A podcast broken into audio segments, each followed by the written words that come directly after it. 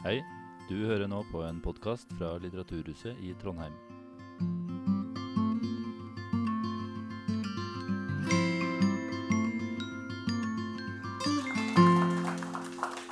Uh, hei, og tusen takk for det. Da er det min tur til å si velkommen til dette møtet. Opprøret mot samtidsestetikken. Eh, dette møtet er altså et samarbeid mellom Litteraturhuset i Trondheim og tidsskrift Minerva.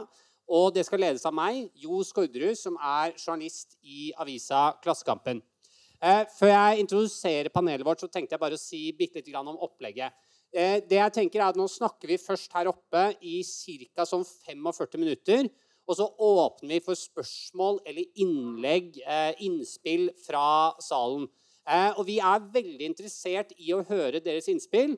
Men det er viktig for meg at vi er, og bare nevne at vi er interessert i deres konsise innspill og spørsmål. Så hvis du har en doktorgrad du har lyst til å lese opp, så er ikke dette her anledningen. Jeg sier dette bare klok av skade. og hvis du ser meg veive diskré med hånden, så betyr det at det er på tide å runde av eh, resonnementet. Eh, dere har en velsignelse til å gå og kjøpe dere drikke i baren under eh, møtet, så da vet dere det. Da tenker jeg vi kan gå til eh, kveldens tema. For over store deler av verden så pågår det et økende opprør mot samtidsarkitekturen. Men hva skjer med samtidsmusikken og samtidslyrikken? Hvor er, hvor er opprørene der? Nils August Andresen, ansvarlig redaktør i tidsskriftet Minerva, han innledet en artikkel i fjor med et eh, dette er hans egne ord, da, udiplomatisk utsagn. I hjertet vet alle sammen at samtidsmusikken er en fiasko. Den kanskje drøye påstanden den uh, følges opp i uh, Minervas ferske kvartalstidsskrift med samtidsestetikken må jevnt over og som et utgangspunkt for eventuell nyansering og videre refleksjon regnes som en fiasko. I hvert fall i den forstand at samtidsmennesker i sin alminnelighet ikke liker den. Eh, og dette Tidsskriftet som jeg nå henviser til, har for øvrig fått hvis ikke jeg bomma, eh, fått tittelen 'Lyrikkens død'. Eh, fiasko, dødsvarsler, opprør. Dette er temaer som vi føler må utforskes. Og for å diskutere tingenes tilstand i samfunnsestetikken så har vi altså da fått allerede nevnte Nils August Andresen, redaktør i Minerva. Og så har vi fått forfatter og lyriker Erlend Skjetne. Eh, han skriver til vanlig lyrikk både i ubundet og bundet form. Og han vant også det som det kulturkonservative tidsskriftet Sivilisasjon kalte vår tids viktigste diktkonkurranse. Så skal det sies at det var tidsskriftet selv som arrangerte diktkonkurransen. Ja. Men, eh, men, han vant nå, og det, det er ikke dårlig. Eh, og så har vi Ståle Kleiber, som er komponist, professor og musikkforsker.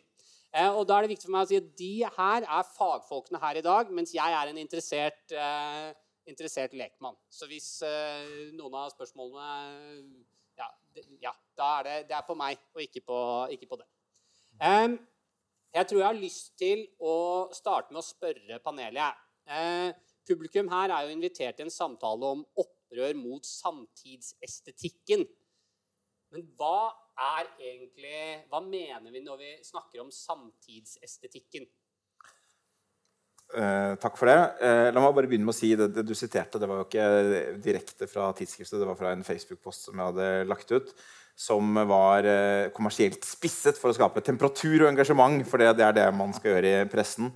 Mens i selve tidsskriftet vil du faktisk finne to nyanserte, ganske balanserte artikler om samtidslyrikken. Én litt mer kritisk, og et dikt som jeg har skrevet Uh, i bunnform og med rim. Hva er samtidsestetikken? Uh, det er et viktig spørsmål, fordi i en forstand så er samtidsestetikken alt det som produseres i dag. eller den estetiske siden alt det som produseres i dag. Når vi bruker ordet, eh, eller når vi sier samtidskunst, samtidsmusikk, samtidsarkitektur, samtidslyrikk, så mener vi ofte en, en helt spesifikk del av det som produseres i dag. Eh, og man kan ha ulike definisjoner.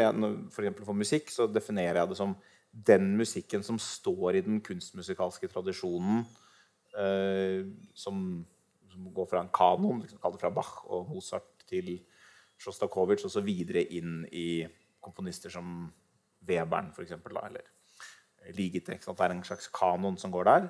Uh, og en del komposisjoner står i den tradisjonen. Pluss, eller og eller, den musikken som springer ut av de kunstmusikalske institusjonene, som musikkhøyskoler og konservatorier. Det er ganske stor grad av overlapp mellom de to. Det er ikke 100% men de, det overlappet utgjør tyngdepunktet i den samtidsmusikalske estetikken. Og litt tilsvarende er det med samtidslyrikken. at den, Det er både det som gis ut på forlag, prestisjetunge forlag, som kalles lyrikk, hvor de som skriver det, kaller seg poeter eller lyrikere eller diktere. Det finnes jo masse ting som skrives på rim i dag. Popmusikk skrives på rim hele tiden. Hjerte og smerte, og ofte på engelsk. da. Men, så den eksisterer jo liksom i full, sin fulle bredde, men vi kaller den ikke for samtidslyrikk. Og tilsvarende selvfølgelig med samtidsarkitektur. At det er en samme type institusjoner pluss tradisjon. Og det som kjennetegner denne estetikken, er at den fra rundt, 19, fra rundt første verdenskrig så skjer det en del tydelige endringer i estetikken som er bevisste og har et teoretisk fundament som handler om at man går bort fra en del former og formater og regler og strukturer som eksisterte i den, de, de rådende kunstretningene, Uh, og de beveger seg i og for seg på mange ulike måter, men, men de kjennetegnes ved at man ofte fjerner de, de, tingene, de reglene som gjaldt. F.eks. når det lyrikk. Man fjerner rim, man fjerner rytme. Musikk så fjerner man tonalitet, funksjonsharmonikk, etter hvert i ganske stor utstrekning rytme uh, og melodi. Det, det, det, som utgjorde det som folk trodde var musikk, det fjernes til den grad at man liksom nesten ikke kan bruke det. Det er en sånn interessant diskusjon for noen år siden mellom Markus Paus, som jo definitivt er en samtidskomponist, men som da ble beskyldt for å skrive historiserende stil, eller skrive på en måte klisjeer og pastisjer av sin gamle lærer, professor Ole Anton Thommessen. Eh, hvor det liksom nettopp er debatten. Går det an å skrive sånn musikk i vår tid og kalle det samtidsmusikk? Går det an å skrive tonal musikk? Det, med, det, var et stridsspørsmål. Det er så sent som 2015. I dag er det mye flere som vil si ja, selvfølgelig går det an. Eh, det er ikke så mange som gjør det, men det er mye flere som vil si selvfølgelig går det an. Eh, så det, det, det er jo en del av dette opprøret. Og du innledet med å si vi ser arkitekturopprør overalt. Hvorfor gjør vi det? Jo, det er jo fordi arkitekturen den rammer jo, eller kommer til glede, av alt ettersom, men arkitekturen er ute i offentligheten. Den kan vi ikke unngå. Så når folk bygger et bygg som vi ikke liker, så reagerer vi. Protesterer vi. Kan de ikke bygge noe pent. Men samtidsmusikken og samtidslyrikken den møter folk flest aldri. Altså absolutt aldri. Og da gjør de jo ikke opprør mot den. Men for meg som er korist og hobbypianist og hobbyorganist og sånn, jeg møter, jo, jeg møter jo samtidsmusikken. Det er masse fin samtidsmusikk. Så når jeg bruker litt store ord, så er det litt for å være spisse det litt. Eh, men, eh, men det er også en sorg og et savn etter en levende tradisjon som ivaretar mine estetiske behov. Eh, så, så, så, så, det finnes jo kunstnere som ønsker et sånt opprør. Vi skal, komme, vi skal komme til opprør, men eh, vi har jo både musikken og lyrikken tungt representert i eh, panelet her i dag. Så jeg tror kanskje jeg vil bare høre med dere først. Ståle, er du, er du eh, enig i definisjonen du får her av, av samtidsmusikken, eller skjærer det seg i panelet? allerede der? Jeg er enig i at dette er en etablert definisjon. Eh, er ikke enig i definisjonen. fordi at eh, Samtidsmusikk er så veldig mye mer enn eh, det som blir beskrevet her. Men at det har blitt etablert at dette er samtidsmusikk, det, er en helt riktig beskrivelse. Og det har sine forklaringer. Det går tilbake til, til, til, til Arnold Schönberg, som, som ja, som tenkte at Når han så på tonalitetens historie, så så, så han at her det, går det fra en klart definert eh, tonalitet mot en og mindre og mindre og mindre klart definert tonalitet. Altså Det går fra å bruke syv toner til å bruke tolv toner, for å si det uh, veldig enkelt. Uh, og, og uh, han sier da på et tidspunkt at noen må da bare fullføre prosessen.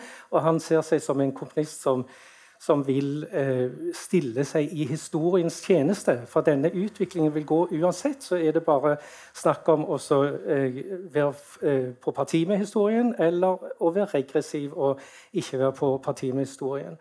Um, og det har jo vært mange, mange kamper da, fremover fra 20-tallet, som Nils August uh, nevner. Uh, og det ble jo toppa i 1949 med en bok av Theodor Adorno som heter 'Filosofi der neuen Musikk'. Hvor Adorno setter opp en motsetning mellom Schönberg som den store helten og Stravinskij som den store skurken. Og så er det jo veldig mye eh, komposisjonsmusikk. For det tror jeg kanskje òg ligger i definisjonen her når vi er på musikkfeltet, at det, det er musikk som eh, hvor verket står veldig sentralt. Altså det er musikk eh, hvor selve komposisjonen står sentralt. Eh, selvfølgelig så vil alltid utførelsen og fortolkningen også, eh, være viktig, men det er ikke det primære innenfor denne tradisjonen. Det er verkets innhold, det er verkets form, i den grad det går an å skille mellom de to tingene der. Og det er vekt på lyttingen, ikke på funksjonen. Om dette egner seg som dansemusikk, om det egner seg som liturgisk musikk, om det egner seg som underholdningsmusikk, men lyttemusikk, altså, for, for å si det sånn. Konsentrert eh, lytting. Eh, så har det jo da vært eh, veldig mye innenfor eh, musikkfeltet som ikke har eh, spilt på lag med denne her Eh, evolusjonistiske måten å tenke eh, historien på. Eh, det er der i dag. Det var der tidligere òg. Altså, samtidig med, med Schönberg så hadde du eh, Sjostakovitsj, f.eks. Eh, som absolutt var en samtidskomponist, men som etter denne definisjonen vil falle utenfor begrepet.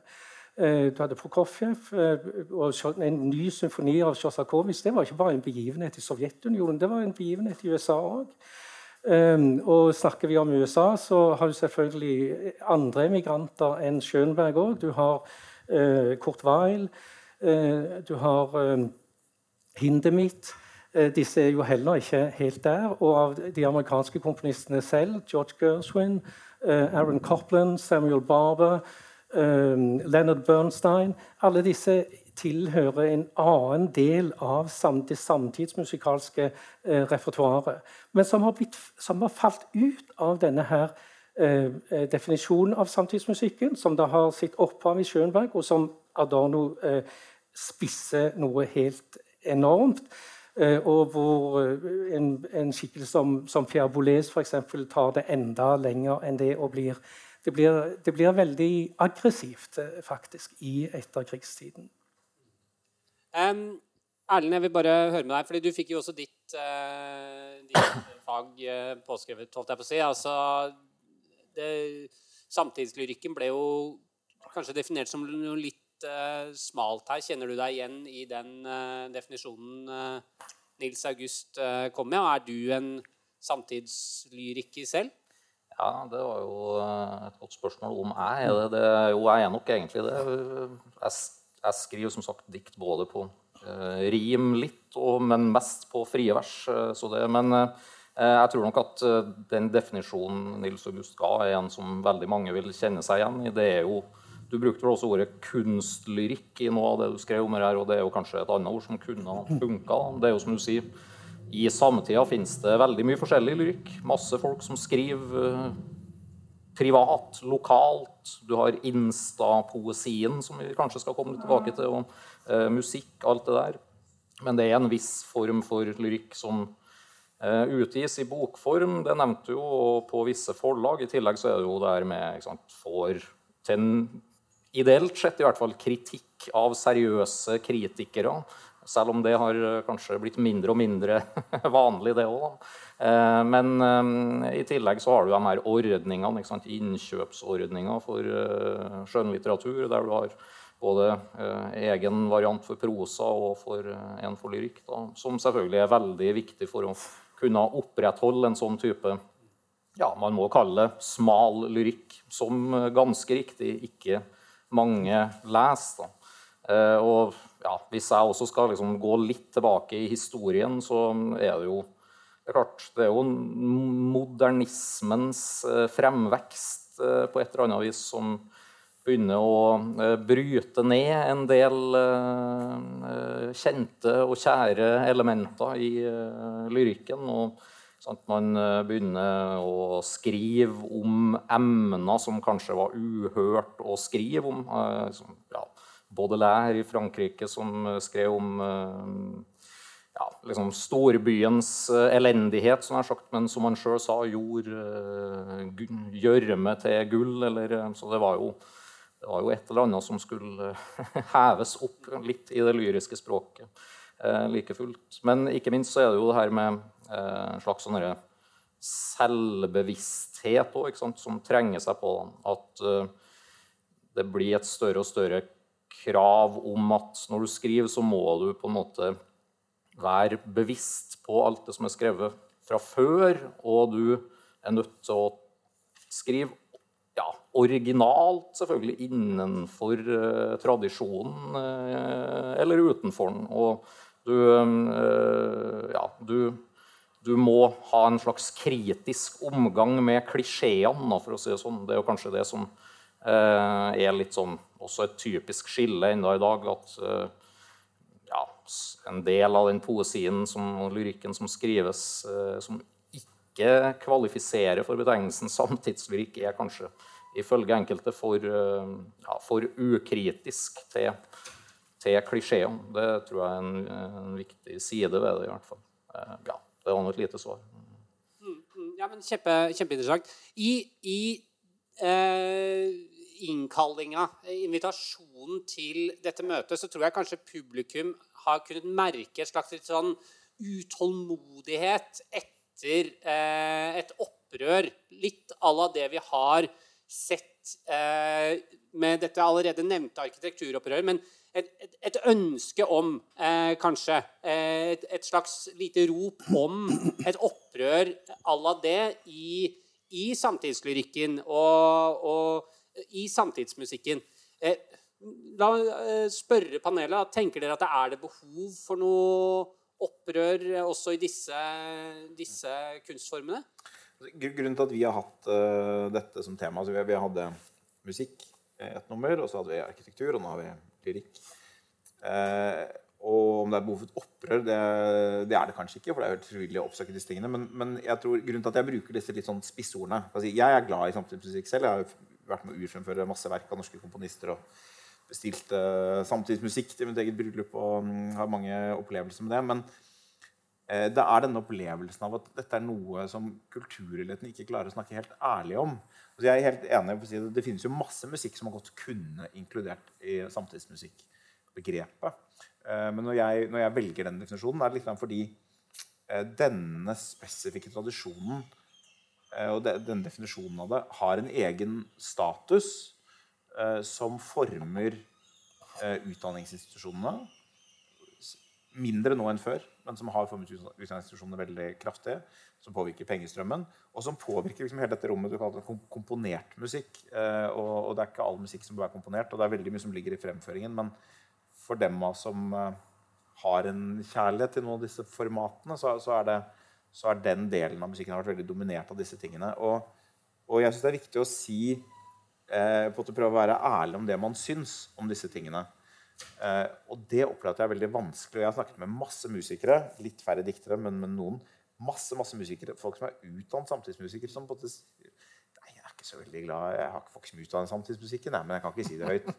Eh, og sånn skal det på en måte ikke være. Altså, det er greit at du ikke får noe ut av Alle må ikke få noe ut av all musikk, men, men, det er dumt at man ikke kan si det. Jeg husker sånn, Da jeg, var, da jeg sang i kor på 90-tallet, så var jeg fersk i kor. Jeg var sånn 18 år, kanskje. 17-18 år. Vi sang Arvo Pärt. Um, jeg vet ikke hvor mange her som har sunget i kor, men hvis dere har sunget i kor, så har dere antagelig sunget Arvo Pert, som er en populær uh, korkomponist uh, for amatørkor. Og man oppdager noen nye klanger som man ikke har hørt før når man er ung. Da. Og så lærer man ganske fort at Arvo, Arvo Pärt han er litt sånn uglesett. Han er en klisjé. Han skriver for både pent og, og, harmonisk. Og man lærer seg at man må si at han er kontroversiell. Mm. det lærte jeg meg i hvert fall da jeg var sånn 17 år. At Arvo Pärt vi syntes det var fint, men ja, det blir litt for billig, og vi må si at han er kontroversiell. Og hvorfor det egentlig? Sånn, Arvo Pärt er jo veldig veldig populær. Han synges av kor over hele verden. Han er en estisk, eh, sovjetisk estisk eh, komponist. Synges over hele verden og likes av publikum og funker i en liturgisk kontekst og i en kirkerom. og sånn. Hvorfor er det han som er kontroversiell, og ikke Boulez, som ingen liker? Det er rart. Det er dette, hvem er det som har definisjonsmakten til ordet kontroversiell? Eh, og den type ting så er det viktig at man klarer å sette ord på. Og nå er det, det er på en måte, Disse trendene snur seg litt. og det, Man ser jo det at eh, dagens komponister er friere eh, mot disse rigide tankene fra, fra Adorno og Boles. Det, det, er i endring. Men det er noe som er litt, måte, litt, litt ødelagt. Og, som, og, min idé er dermed ikke at man må gå tilbake til Brams. Altså, for det, er, det går ikke. Det er for sent. Det er noe som er interessant, som på måte er, er borte i, i, det som lå i den kontinuiteten av estetiske referanser og preferanser og kroppslige uttrykk dette hadde som den gamle musikken gamle hadde. Og det må vi snakke om på en eller annen måte. Det er mitt anliggende. Det skal. Nå er Ståle det er et tegn på at Ståle har noe han vil si. Er det rett å gjøre opprør eh, mot Nei, Jeg er helt enig i det, det som, som, Nils August uh, sier her. Altså. Og, det, den, det å eh, definere samtidsbegrepet på den måten, det er et kupp. Man har kuppa ordet og, og dermed bruker det til, til sine formål.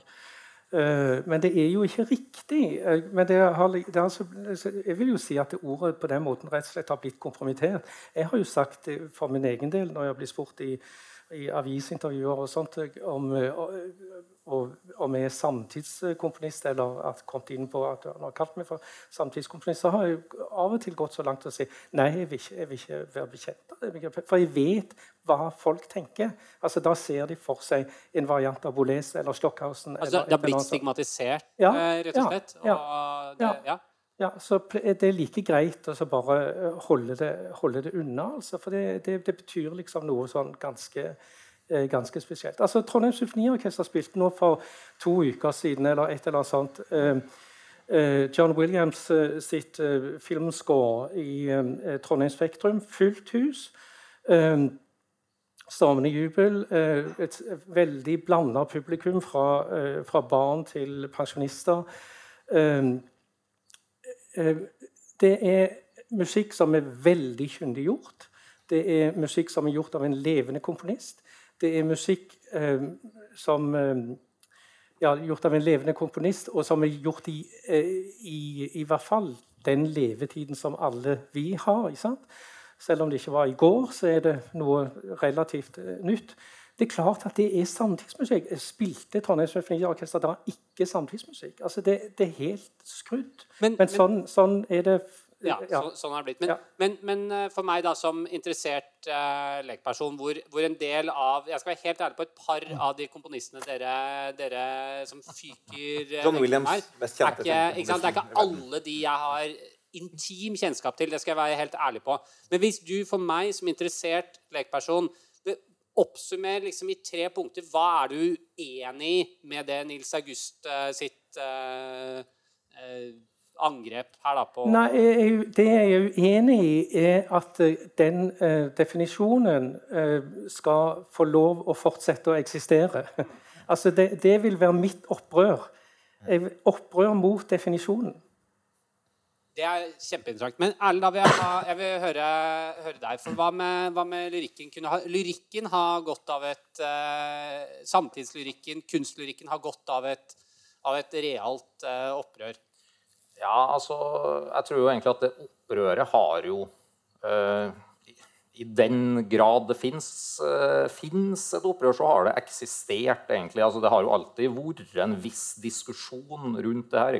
Vi, hvis vi går tilbake til 1950-tallet i Norge, så hadde man jo den berømmelige tungetaledebatten der Øverland og Bjerke gikk til angrep på Pål Brekke og ja, Erling Kristi osv. Så, videre. så det har jo alltid vært en viss motstand sant, mot uh, de her frie versene og ja, modernitet, uh, i hvert fall i formen og i, i lyrikken. Jeg tror nok at samtidslyrikken kunne hatt godt av et opprør hvis det hadde bidratt til at det ble litt mer oppmerksomhet rundt samtidslyrikken. Fordi det, Problemet for samtidslyken vil definitivt ikke være opprøret. Det er jo, det er jo likegyldigheten egentlig som er, som er, problemet, at ingen bryr seg om det. Og dermed så er jo alt som eh, på en måte tar tak i samtidslyken og rister litt inn, er jo egentlig av det gode, da, vil nå jeg tenke. Og det, eh, så det, det Ja, det, det, vil jeg egentlig ønske det velkomment. Eh, absolutt. Ja jeg tenker at man, man, måtte gripe fatt i selve estetikken. Altså jeg er på en måte litt enig, altså Man kan godt gjøre opprør mot selve definisjonen. Og så er litt av utføringen her, altså John Williams er et godt eksempel. Alle her har hørt John Williams, selv om dere ikke vet hvem det er. Det er den største filmkomponisten de siste 100 årene. Eller det vil si alltid. Filmen er vel ikke så mye eldre. Den største filmkomponisten som har levd. Uh, med masse kjente filmscores. Og skriver jo flott musikk i en, i en viss forstand en symfonisk, uh, mer klassisk tradisjon. da.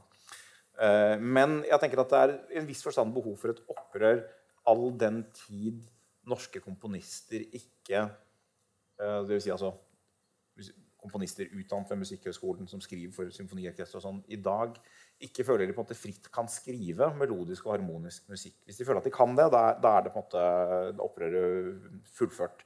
Og, og, det er underveis. Så, så behovet for opprør i musikken er på en måte er, Vi kommer litt sent inn i den debatten. Det har i en viss forstand pågått stille noen år. Lyrikken er litt usikker. altså Kan man der, kan man der skrive klassiske dikt uh, som man gjorde før? Det jeg vil si, bare Nå gjelder estetikken uh, Ja, du gjorde jo ja, ja, nei, Men, men tenk for 100 år siden. For 100 år siden så var Herman Wildenvey var, uh, norgesmester med lyriker. Han solgte mer enn alle romanforfattere. Han var kjempestor.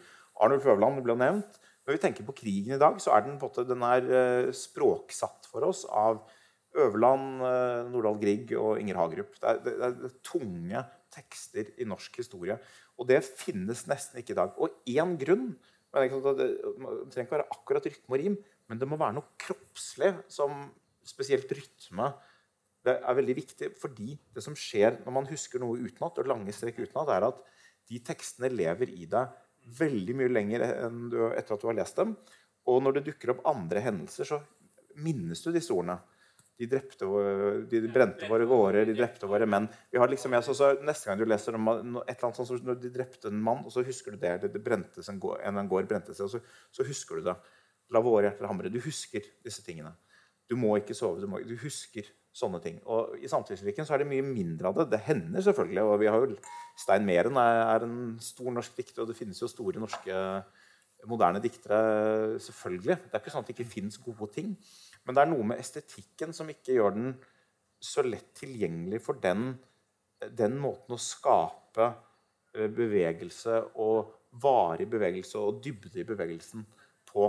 Og litt det samme gjelder på for musikken. men det er flere, nå skal ikke, ja, Vi kan ta det senere. Vi runder av der, så tar vi det senere. Ja. Men fordi jeg vil bare, dette, jeg synes dette er kjempeinteressant. Vi, skal komme oss, vi må, vi må komme oss til hva på en måte som definerer vellykka kunst. Eh, det er kanskje et kjempestort tema som vi ikke blir ferdig med i dag. Men jeg, vil bare eh, ta en bitte liten sånn personlig erfaring, eh, kanskje som du, Erlend, har, har, noen tanker om. Fordi i forkant av dette møtet her så snakket jeg, med, snakket jeg med venner om temaet for møtet. Og så sa jeg dette her med lyrikk. ikke sant? Så sa jeg det må jo det er jo helt åpenbart, det må jo komme et opprør i lyrikken. For ingen bryr seg jo om lyrikk lenger. Eh, ikke sant? Det er ingen som leser det. Og så eh, sa venninna mi 'Hva er det du snakker om?' Og så dro hun opp mobiltelefonen og dro fram flere Instagram-kontoer, norske Instagram-kontoer, som har tusenvis, titusenvis av følgere. Og så tok eh, kona mi og dro fram TikTok og viste eh, dikt hvor folk, hvor folk, da leser sine egne dikt med, eh, altså med presentasjon, som får så, altså, som blir lest av tusenvis. Og så sa, sa kona mi det er jo et, liksom et lyrikkopprør her. På, på, TikTok, på Instagram. Og det ser vi også at det er Instapoeter og sånt nå har jo blitt plukket av forlag og selger bøker i, i massevis. Så er det eh, kanskje et uttrykk for et opprør mot, eh, mot eh, lyrikken, da, eller i lyrikken. Ja, jeg vet ikke om jeg vil si det, egentlig. Altså, jeg tror det bare, Sånn som jeg oppfatter det, så er det noe som på en måte eksisterer parallelt, og egentlig er ja, Sånn som jeg tenker på det, lite bevisst eh, forholdet til denne kunstlyrikken eller samtidslyrikken. Men det, er jo, det eksemplifiserer jo egentlig veldig godt det vi snakker om her. fordi de her eh, Instagram-poetene Nå forsto jeg jo at jeg er allerede et fossil som snakker om det, og ikke om TikTok. Ja, du, du, du trenger ikke å være lei deg, for jeg oppdaga TikTok-poeter i går. Ja, men du var likevel før meg. ikke sant? Så, ja. Eh, eh, det, ja, som du sier, det blir lest av mange, og det blir da utgitt i bokform. Men jeg sjekka faktisk der da, noen av de her Trygve Skaug, et veldig kjent navn. En annen en Aksel Frønes.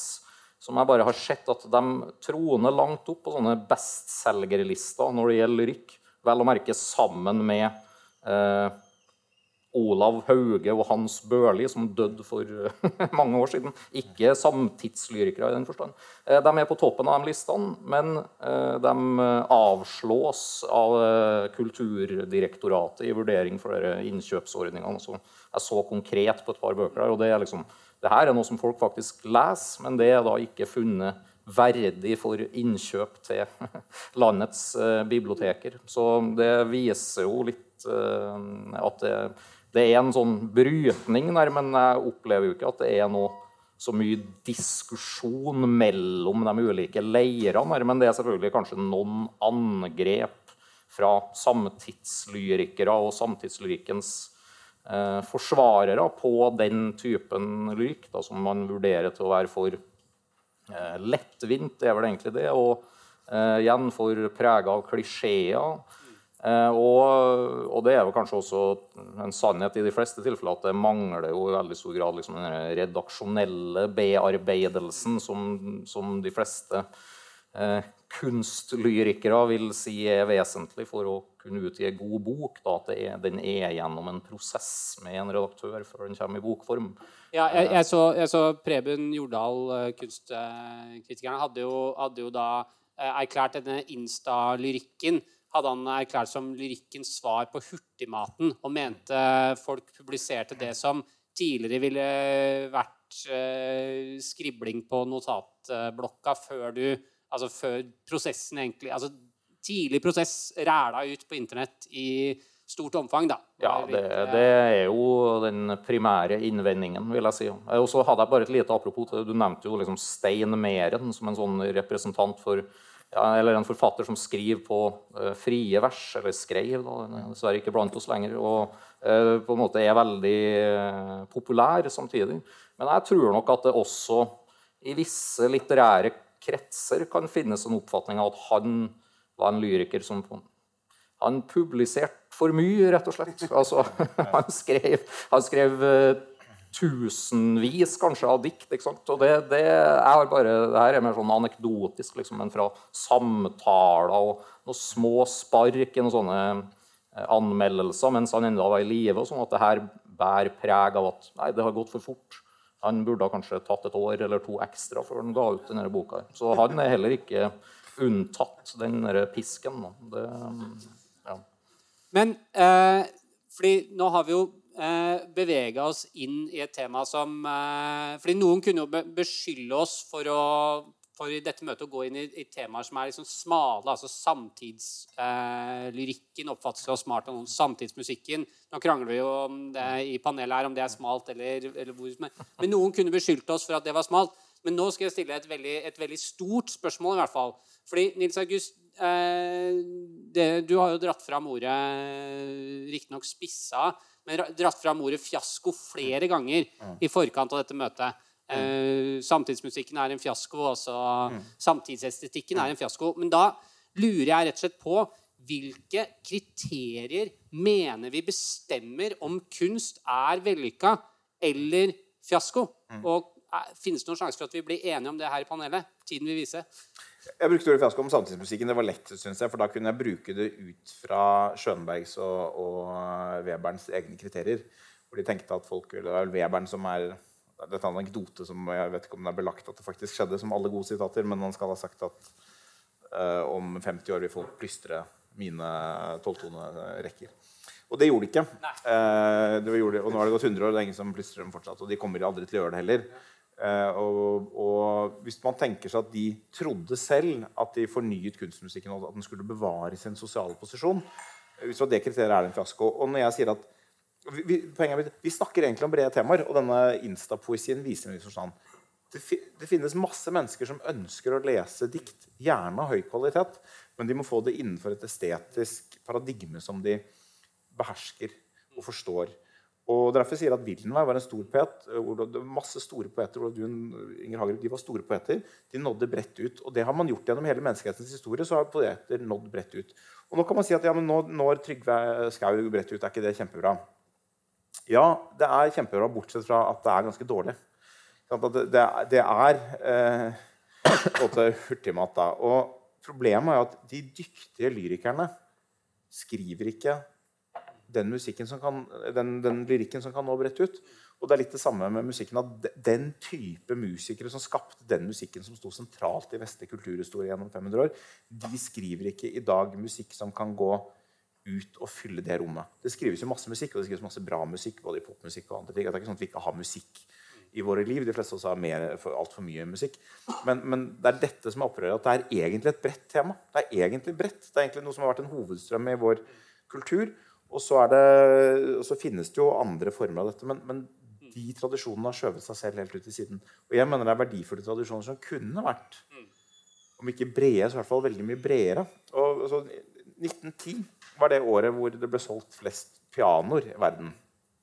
Men, ja, jeg snakker men, lenge. Nå har vi, nå har vi, nå har vi ja, jeg, vil, jeg, vil, nesten avkreve et svar på spørsmålet. Ja. Fordi, fordi du, du, du, du, svarer på en måte på det, men, men jeg lurer på hva altså Hvis du skulle sette noen kriterier for hva som er vellykka kunst mm. eh, At de, ja, at de som er engasjert i, i temaet, engasjert i den kunstformen uh, litt, som er litt flere enn liksom fem mennesker De som er engasjert i det og kan noe om det, at de setter pris på det, at de bryr seg om det, at de, blir, at de kan bli beveget av det.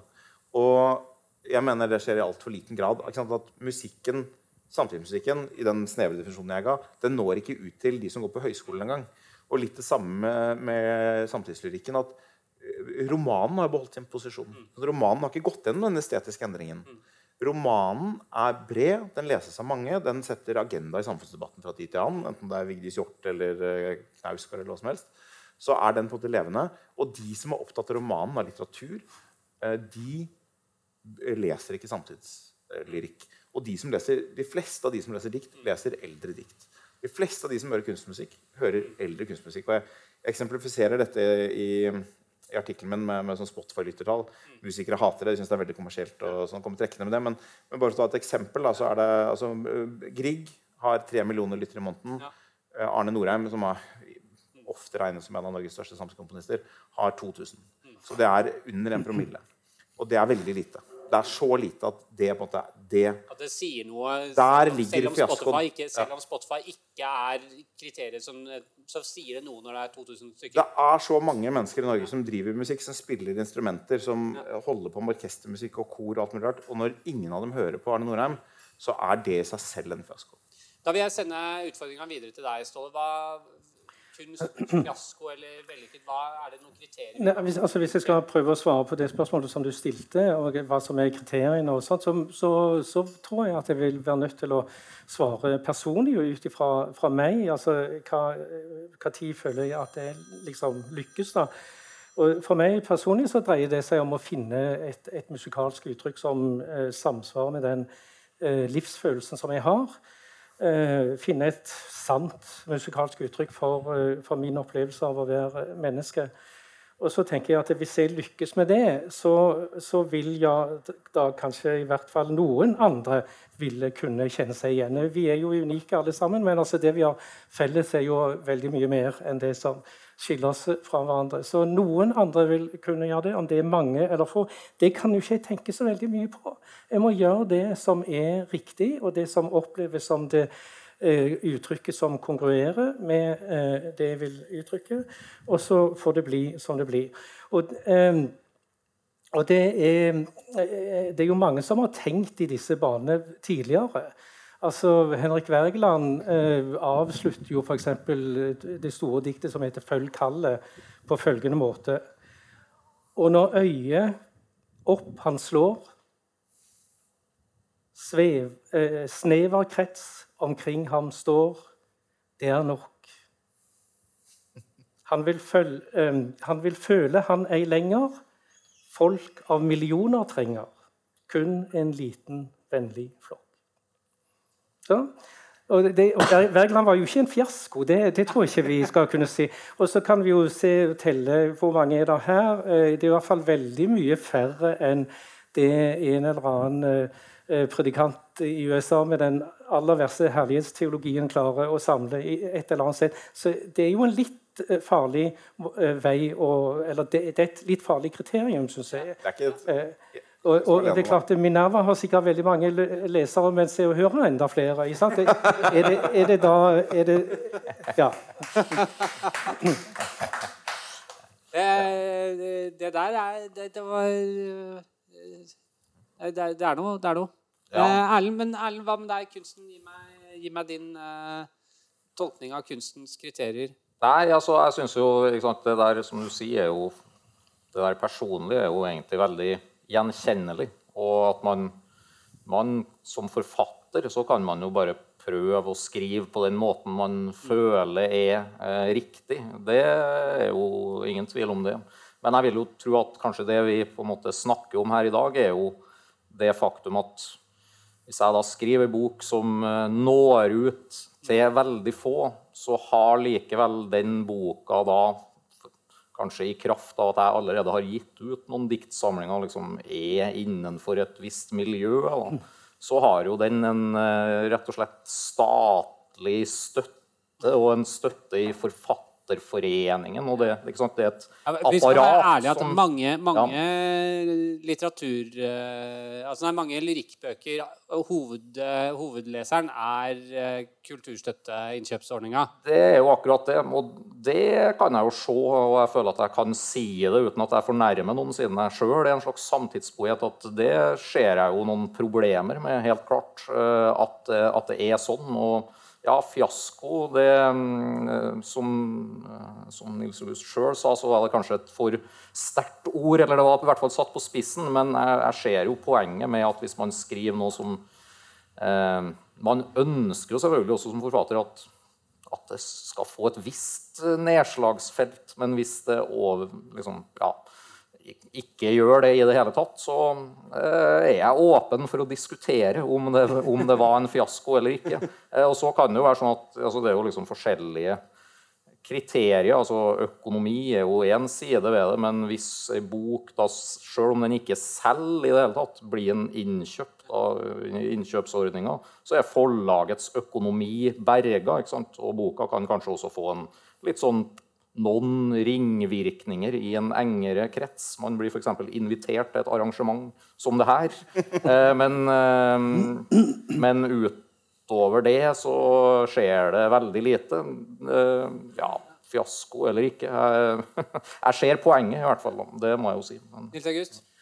Ja, altså bare ta Følg kallet, siden det ble brakt på banen. Så mest, Mesteparten av diktet handler om hvor ulykkelig Wergeland er over å være norsk. og være begrenset i dette knøttlille språket. Og ikke nå ut til alle millionene, men til slutt så er han fornøyd med å bare nå Han resignerer og er fornøyd med å nå ut til bare nordmenn. Men det er jo en god ambisjon, det også. å nå ut til bare nordmenn. Men ellers er jeg helt enig, altså, målet, er, målet, kan ikke være å nå ut til flest mulig. Det er ikke noe selvstendig kriterium. Og kunstneren kan ikke gjøre noe annet enn å følge sitt kall. Det, det, det er ikke noen annen mulighet hvis du skal skape kunst. Så det vi snakker om litt, er både rammene for de valgene kunstnerne tar. For det skjer jo ikke et vakuum. Og hvordan kan man prøve å sørge for at, det, at, de som er interessert og ønsker å ha den type kultur og den type kunst, får det. Og da er det interessant at vi snakker om innkjøpsordningen. Uh, skrev For lenge lenge siden skrev en artikkel som het 'Kunst trenger et betalende marked'. Og Det er nok mye mer komplisert enn det. Men det er noe interessant med, med hva som skjer når, når, når, er, når, du ikke har den direkte økonomiske interaksjonen mellom kunstner og kunstpublikum. Eh, eller det, det, blir lite betydningsfullt. For eksempel, jeg bestilte en gang et uh, samtidsmusikalsk verk. Og det er ganske billig. Jeg anbefaler alle å gjøre det. Hvis dere skal, eksempel, skal gifte dere, folk betaler jo hundretusenvis av kroner for å gifte seg, bruk noe av pengene på å bestille et verk av en komponist. Og da får man komme en dialog. Jeg sang i kor, vi var flere stykker, vi var på et nachspiel. Og så endte vi med at jeg bestilte et arrangement av norsk folketone av Ørjan Matre, som er sang i koret, og som er en kjent norsk samtidskomponist. Og det verket ble veldig fint. Det ble jo ikke så liksom, avantgardistisk uttrykket. Og det er spilt inn av kor i Norge, Frankrike og USA. Eh, I tillegg til vårt eget. Så det har liksom funnet et publikum fordi det er appellerer eh, estetisk. Så det å ha et publikum det er viktig. Apropos det, det er helt riktig at Minerva har færre lesere enn Se og Hør. og det er også, Vi trenger også et betalende marked. Så jeg bare, bare benytter sjansen til å si at dere kan kjøpe Minerva på vei ut for bare 199 kroner for et år. Det er så billig at det er eh, sånn Trygve Skau-nivå på, på, prisene. Så Det håper jeg alle vil gjøre. Så kan vi også mm, overleve, kanskje.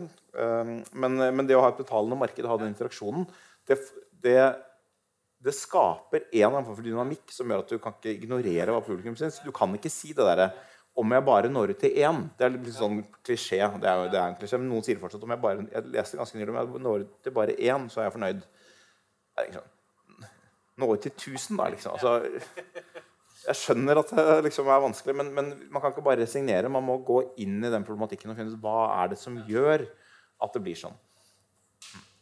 Men jeg, jeg skal snart uh, slippe til publikum, for det, fordi det syns jeg. Men det, er, det, er, på tide. Men jeg må, jeg må, bare spørre, fordi av og til så har jeg en opplevelse av Og da, som sagt, jeg kommer som lekperson uh, Uh, utenfra. Mine dikt er, eller De diktene jeg leser, er stort sett bunnform, og de er stort sett uh, ja, altså Det er litt, litt, mer andre verdenskrig og Nordahl-Grieg enn uh, en moderne lyrikk, stort sett.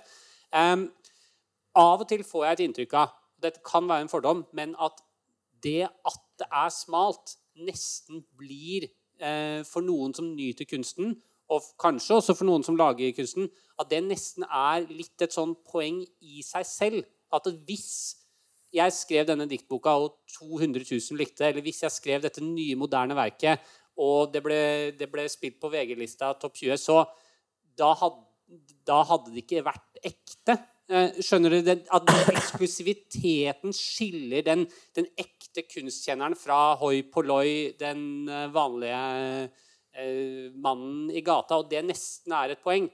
Eh, Ståle? Ja, det, det, har i hvert fall vært sånn. Det er jo det er ingen tvil om det. Og eh, det, det, er sikkert, De holdningene eksisterer nok sikkert eh, fremdeles. Altså, jeg, jeg, jeg, blir jo skikkelig trist når jeg hører Nils August snakke om studenter på, Musikkhøgskolen som ikke føler at de kan gjøre det de egentlig har lyst til å gjøre. i det hele tatt. Men det er jo det er noen av oss som har bare gitt blaffen i det. Jeg har selv gått på diplomstudiet på høyskolen. og jeg, jeg brydde meg ikke om det. Og, eh, og det var ikke populært. Uh, og Om det har endra seg i dag, og sånt, det skal jeg ikke si så veldig mye om. Men vi har i hvert fall uh, her på NTNU lagd et konfliktstudium som skal være en motvekt til det, og som, uh, som i stor grad henvender seg til andre typer komponister òg.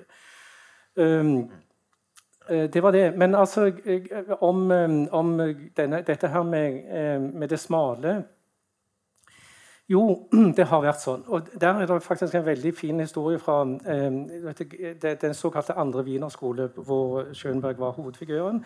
Alban Berg eh, var eh, den andre, og Weber den tredje.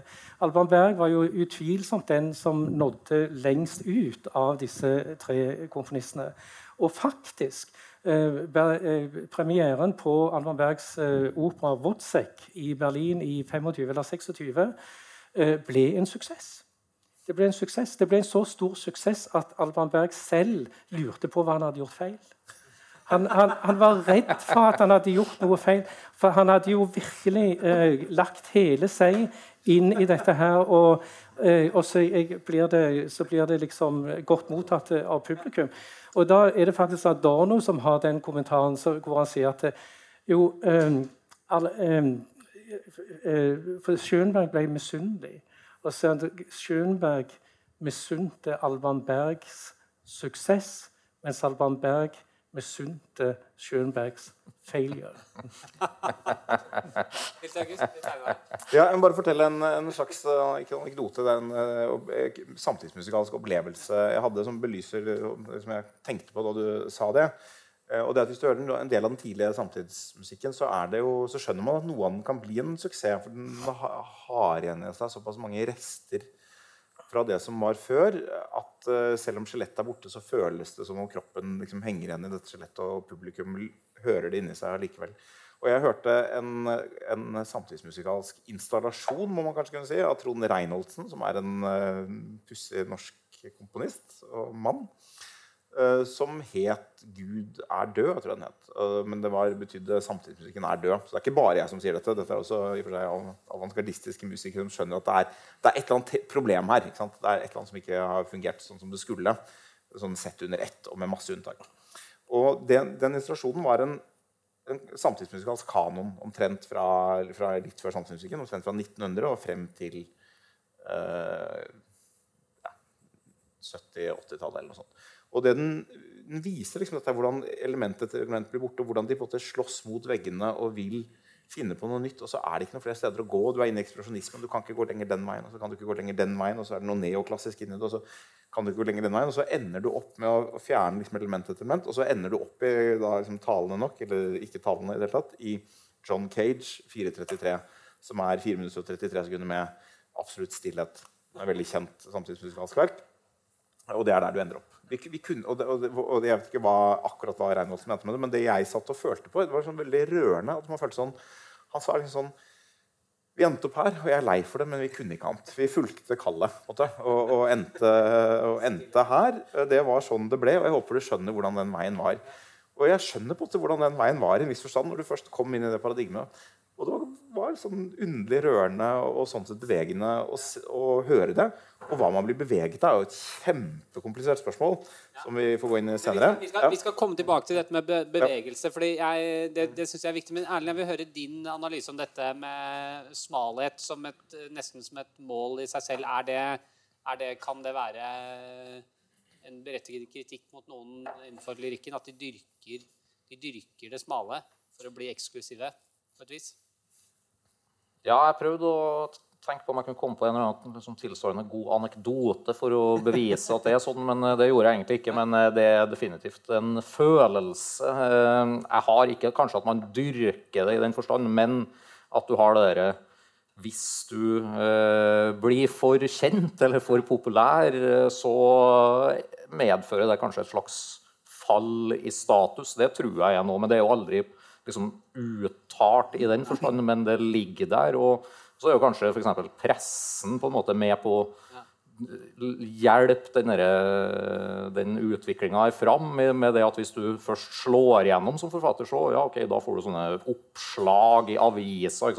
Hanne Ørstavik, eksempel, som stiller opp til Hun har kanskje bevart sin eh, kredibilitet, tross alt, men når man begynner å brettes ut over dobbeltsider i avisene og personlige intervjuer osv., så, videre, så tror jeg at noen eh, vil reagere på det og tenke at eh, det her har gått for langt i Ja. retning av noe som er tabloid, da, rett og slett. Sånn. Hjemme hos-reportasjen er lyrikkens egentlige død. Ja, da, ja. Nå er jo hun romanforfatter, vel å merke, så det var jo et dårlig ja, eksempel. Men jeg vet ikke om det fins en lyriker som har tatt det der steget der. Det er jo kanskje tvilsomt. Men Altså, Ståle, siste her før vi slipper til publikum. Jeg vil bare ha et, et par ord om dette her med, med Instagram-poesi og sånt. Jeg skjønner, altså, Den største dinosauren her er nok meg, da. for jeg er jo bare på Facebook. eh, Men, jeg, men det, det er jo faktisk noen eh, eh, eh, veldig anerkjente lyrikere som òg er der. Bl.a. Helge Torvund, som er en veldig god venn av meg, og som jeg har samarbeidet med ved, i, i flere verk faktisk òg.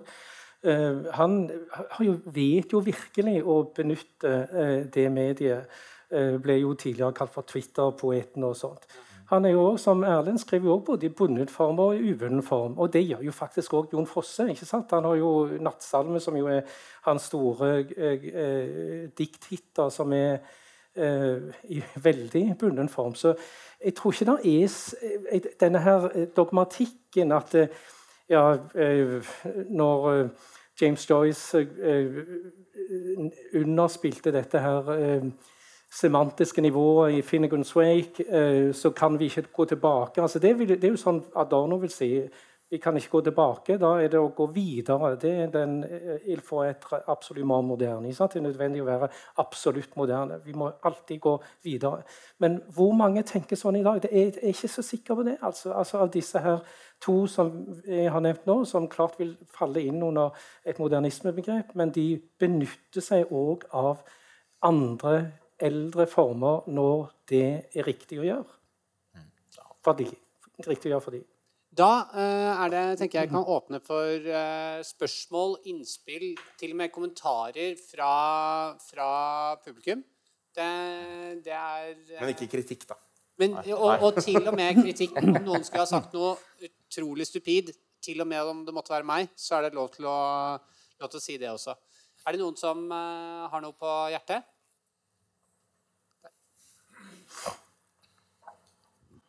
Begrepet samtidskunst er veldig vidtfavnende. sånn når jeg legger det opp her. Og da, man, da går man glipp av en del distinksjoner. Synes jeg.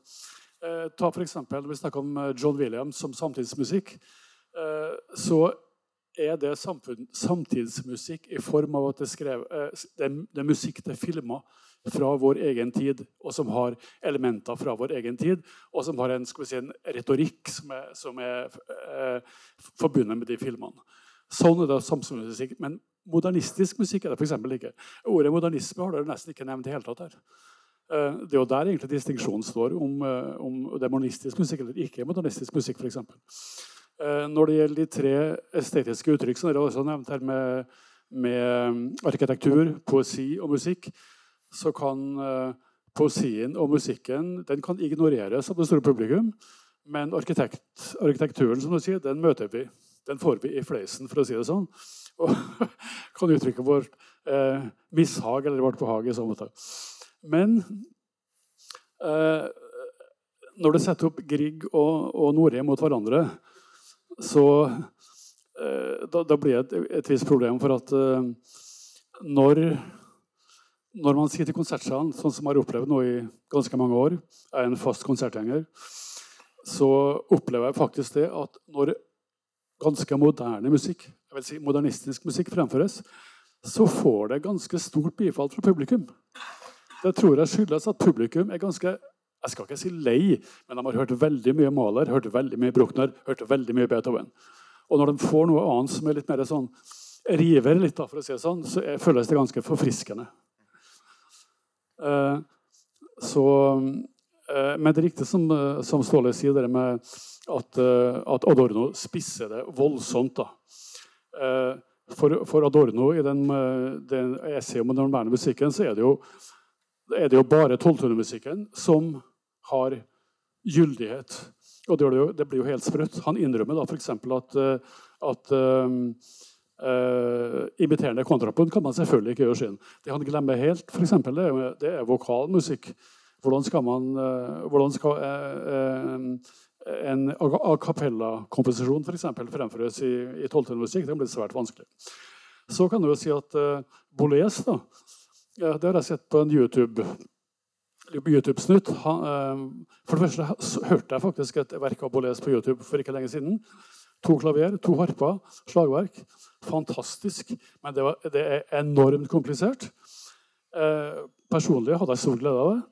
Men Boles sa jo i en YouTube-stund sjøl at ja, kanskje tok vi det litt langt i forhold til publikum. For det er nettopp det med gjenkjennelsen.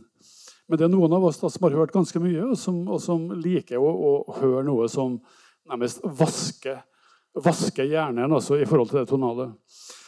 Uh, så ja, det var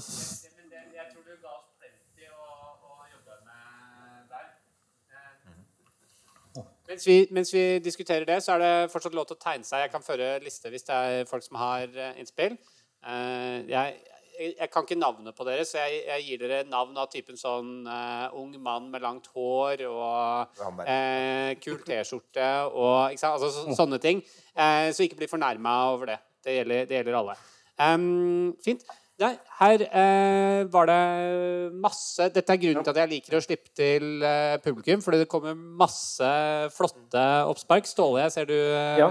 Ja. ja. nei, altså Dette med modernisme det er jo helt riktig, som du, som du sier. Det, og det er interessant at, at, du bringer inn det, eh, det, begrepet. fordi her er jo eh, igjen Adorno Adorno forstår jo modernisme på en egen måte. Han forstår det ikke som en epokebetegnelse, han forstår det som en holdning. Eh, og, og Derfor er nettopp dette her Rambaud-sitatet veldig velegnet til denne samtalen. Altså Det er nødvendig å være absolutt moderne. Det er uh, Adornos holdning. så det, det, er ikke sånn at, det er ikke sånn at man har kommet til en modernistisk stil, og så bare repeterer du det. Da må du gå videre. ikke sant? Og det er da du ender i den totale stillheten. Så, så, denne her Eh, holdning, modernisme som holdning, det var det i, altså I Norge ble var det flere som liksom antok den Eh, det synet på modernismen. Eh, utenfor Norge så ser man jo gjerne modernismen mye mer som en epokebetegnelse. og nå snakker jeg innenfor eh, musikkens område. Sånn at jeg, jeg, jeg man vil jo da frem, man vil ikke ekskludere f.eks. Sjostakovitsj og Prokofjev fra modernismebegrepet. så ja. Eh, da skal Nils August få ordet, men jeg må bare nevne eh, Jeg var ikke helt klar over dette, men eh, opp, vi gjør et opptak av dette møtet. Bare så dere vet det, så hvis dere har lyst på etterpå å få, få slettet dere selv fra opptaket, eller noe sånt, nå, så, så tror jeg teoretisk det finnes en mulighet for det. Men helst ikke gjør det, for det blir bare styr for lydteknikerne. Men, eh, men jeg, jeg, måtte bare nevne at vi gjør et lite, gjør et lite opptak sånn eh, til seinere.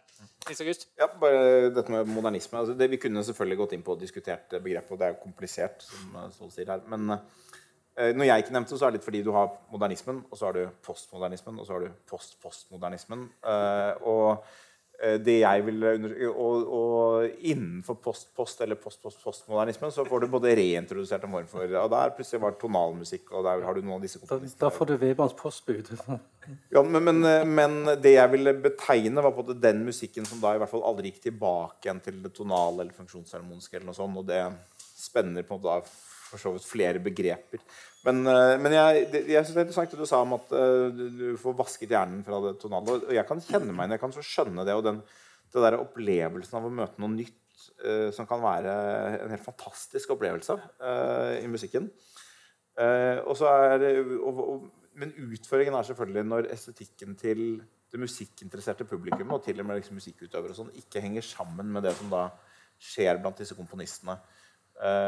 så det, er, det, er det litt med den tragedien. Det er, noe, det er, ikke så veldig vanskelig å skjønne hvorfor noen av disse tingene skjer. og selv John, jeg, for, oss, for, oss, var John Cage allerede en klisjé. Det er ikke John Cage sammen 433 var en, Da jeg møtte det, var det allerede en klisjé. Man hadde hørt om klisjeen lenge før man hørte den eller ikke hørte den. og det var på en ikke så spennende. Men hvis du hører det for første gang øh, hvis du hører still ja, ja, altså det, er lyder, det er lyder her. Hvis du, hvis du, hører det første gang, så er det kanskje det er noe. ikke sant? Kanskje det gjør noe med hvordan du tenker. og og, og det, med, det, med, bevegelse er en veldig komplisert prosess. og det må vi huske på, for det du sa, vi kan ikke, Hvorfor klappe publikum? Altså Mitt hovedinnspill der er i norske konsertsaler er det alltid stående applaus uansett. Så det er en utrolig dårlig guide. Men, men, eh, men jeg kjenner meg igjen i det. ikke sant? Maler en gang til. Herregud, så ofte vi har hørt Maler. Eh, og det er Markus Paus som har dette begrepet både museet og reservatet.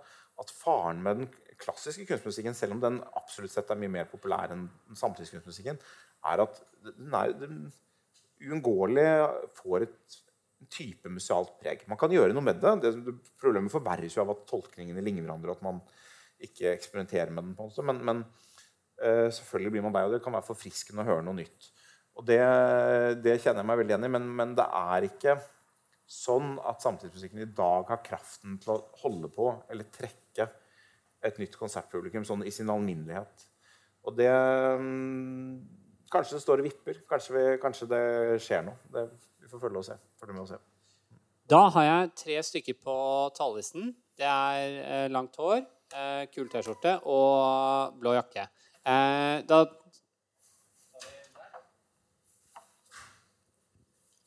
Tusen takk for interessant uh, debatt. For det første, uh, to ting det er noe at Stale Kleiberg nevnte nå til slutt som er veldig viktig, som han nevnte, og det er nettopp det med dogma. Alt nesten dere har beskrevet, er gamle dogmaer som egentlig ikke har vært relevant på 30 år. Minst. Unntatt for Reinertsen, som ble, nevnt, og Marcus Paus. Dere har ikke nevnt særlig mange komponister som er en gang 70. Uh, eh, den eneste dogma som fortsatt er i akademia for komposisjon i dag, er å ikke ha en dogme. Til og med på NMH. Det, det er sant. Uh, og, og, hvis man er en radikal komponist, det er faktisk ganske vanskelig å bli spilt av institusjonene i Norge. Det er det første. Uh, for det andre det er nettopp det med at dere snakker litt om publikum. Er det like likegyldighet, eller er det at man ikke har hørt om det? Når jeg underviser i samtidsmusikkhistorie til klassiske musikkstudenter, de vet hvem Schoenberg og Weberne er osv., men de aldri hørt musikken jeg presenterer til dem. Og reaksjonen er ofte ikke 'Å, det her liker jeg ikke'. Er det her samtidsmusikk? Det visste jeg ikke.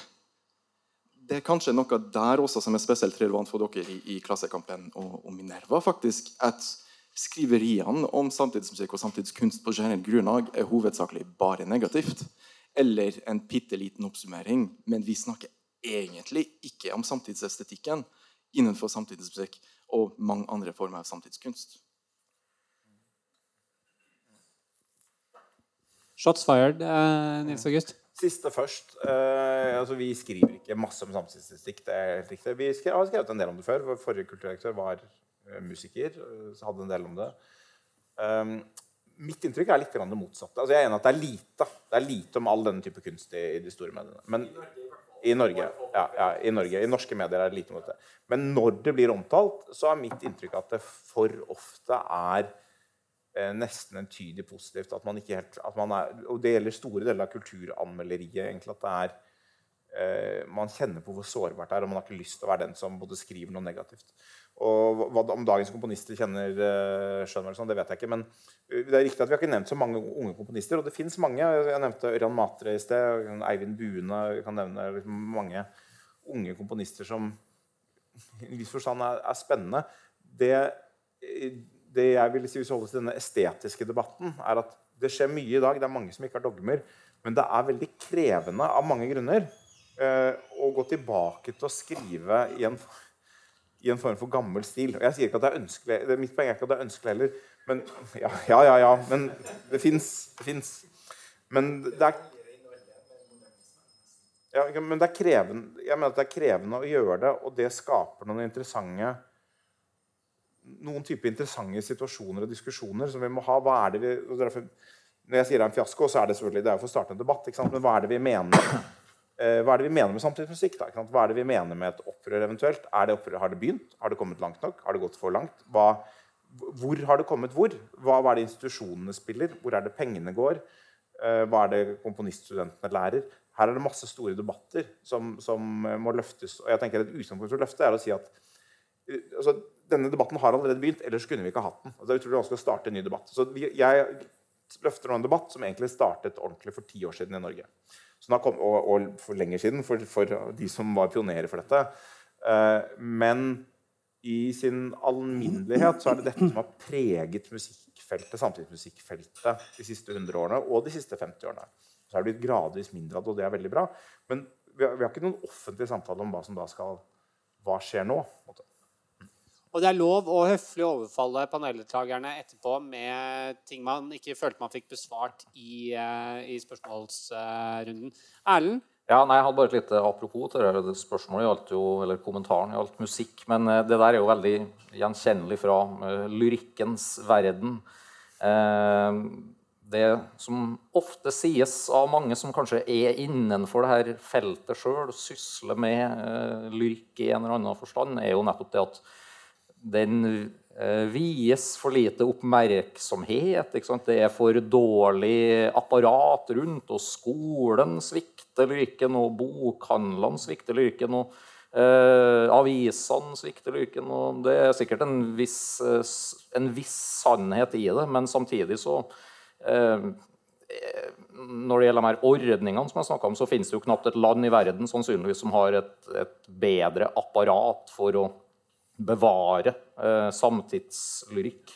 Og det er faktisk aviser, f.eks. Klassekampen, som skriver eh, relativt sett mye om lyrikka som man skulle gjerne hatt enda mer, og det er en del som forbigås i stillhet. Men eh, likevel så er jo det sørgelige faktum at selv blant folk som er oppriktig interessert i litteratur, så velger man eh, romaner fremfor lyrikk. Og romanens hegemoni er jo nærmest eh, totalt. Altså. Så det, og da, da, må det jo, og det her har blitt sagt av uh, kritikere, at kanskje må samtidslyrikken gå inn i seg sjøl og våge å ta det steget også. og se på er det et eller annet her som, eller Hva er det som gjør at vi på tross av at det faktisk er et bra apparat, ikke når ut? da. Det, så ja, det må kanskje skje noe på det planet. Det er morsomt at du sier for I morgen så skal jeg til eh, å lede et møte om eh, kunst i skolen, hvor premisset er at skolen altså Skolen svikta. Det er svikta kunsten. Ja, eh, så så det, er, altså, det er en opplevelse av at, eh, at man blir svikta, men eh, så får vi se om de er, er interessert i å gå i seg sjæl der, eller om det Ja, det, tiden vil vise. Um, da har vi spørsmål fra T-skjorte. Ku- Kul T-skjorte. Ja. Viktig å få med det med kul T-skjorte. Takk. Eh, Jeg lurte på, på, på tampene så ble det snakka om eh, lyrikere spesielt, eller forfattere som bruker både bunnen og ubunnen former, som liksom velger til dem som kind of to forskjellige verktøykasser i en komposisjonsprosess. Eh, og det er jo et moderne ståsted å tenke at det her ikke er en opposisjon, men at det her er forskjellige måter som er like gyldige å uttrykke seg i, og som man kan velge i avhengig av hva man ønsker å uttrykke. Men da på komposisjonsnivå så impliserer jo det at man enten før man begynner å komponere, eller i løpet av komposisjonsprosessen tenker at det her gjør seg bedre på den formen, eller på, på den her stramme formen, eller på den her moderne løse formen. Kanskje spesielt til Erlend, som har skrevet på begge formene.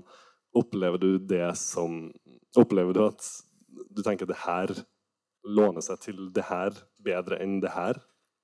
Og hvorfor? Altså hva appellerer med hver form, på en måte?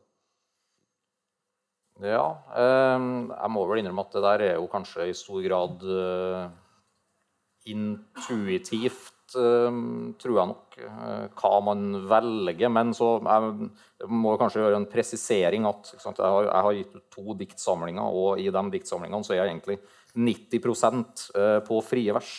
Eh, altså ikke rim og ja, noe sånn mønster i den forstand. Og det tyder jo på at jeg òg kanskje eh, føler på en viss eh, forpliktelse, eh, for å si det sånn, til å skrive mindre på rim enn jeg ellers ville ha gjort. Da. Og hvorfor det er sånn? Ja, det er kanskje et eller annet med at du fort blir eh, tatt for å ja, være for, eh, for gammeldags, rett og slett. Eller, men, men eh, det er jo, eh, som du sier, det fins absolutt forfattere som skriver både på rim og i eh, frie vers. Og så må man selvfølgelig ikke glemme, Egentlig så er det jo litt på en måte tull å snakke om det her med rim, fordi rytme er jo kanskje et mer sentralt eh, begrep. Og eh, i poesiens historie, ikke minst. Um, så det, eh, det er jo mange lyrikere i Norge som er veldig rytmisk bevisst, og det prøver jeg nå sjøl å være òg, sjøl om jeg ikke nødvendigvis gjør det til, eh, til rim i den forstand. Men jeg synes jo at um, Jeg vet ikke om det her har så mye med det, du spurte om å gjøre, men eh, en lyriker ved navn Gunnar Wærnes, som jo er en veldig anerkjent eh, norsk samtidslyriker, eh, han snakka om det med at det å skrive liksom, Ta tak i f.eks. sånn spesiell, eh, et spesielt rimmønster, en sånn form som f.eks. La oss si sonetten, som er veldig sånn bundet. Det eh, er jo på en måte noe litt sånn moderne, eller hva man skal si ved det òg, fordi det tvinger deg jo egentlig til å gå ut av din egen eh, Det, det bare som du har lyst til å si, og på en måte forholde til noe som er eh, sagt i den formen av flere.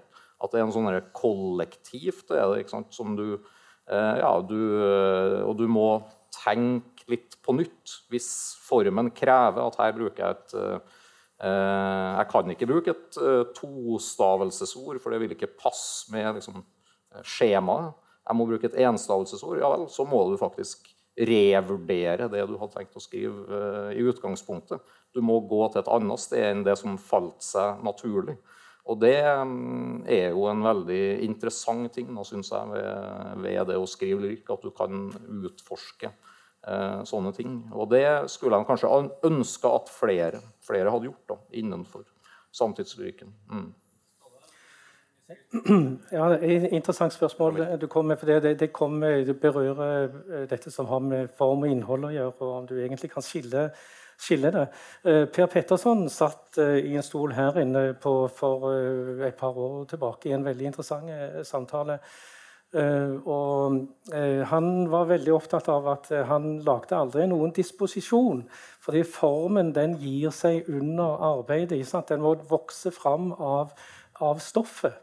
Uh, og Sånn vil det, vel, vil være sikkert òg i veldig mange tilfeller om man velger en bunden form eller en ubunden form eller noe midt imellom, eller uh, rytme uten form, eller i det hele tatt. Det, det, det skal jo være et, et, samsvar mellom stoff, det vi kanskje kan kalle for innholdet, og, og, og formen. da.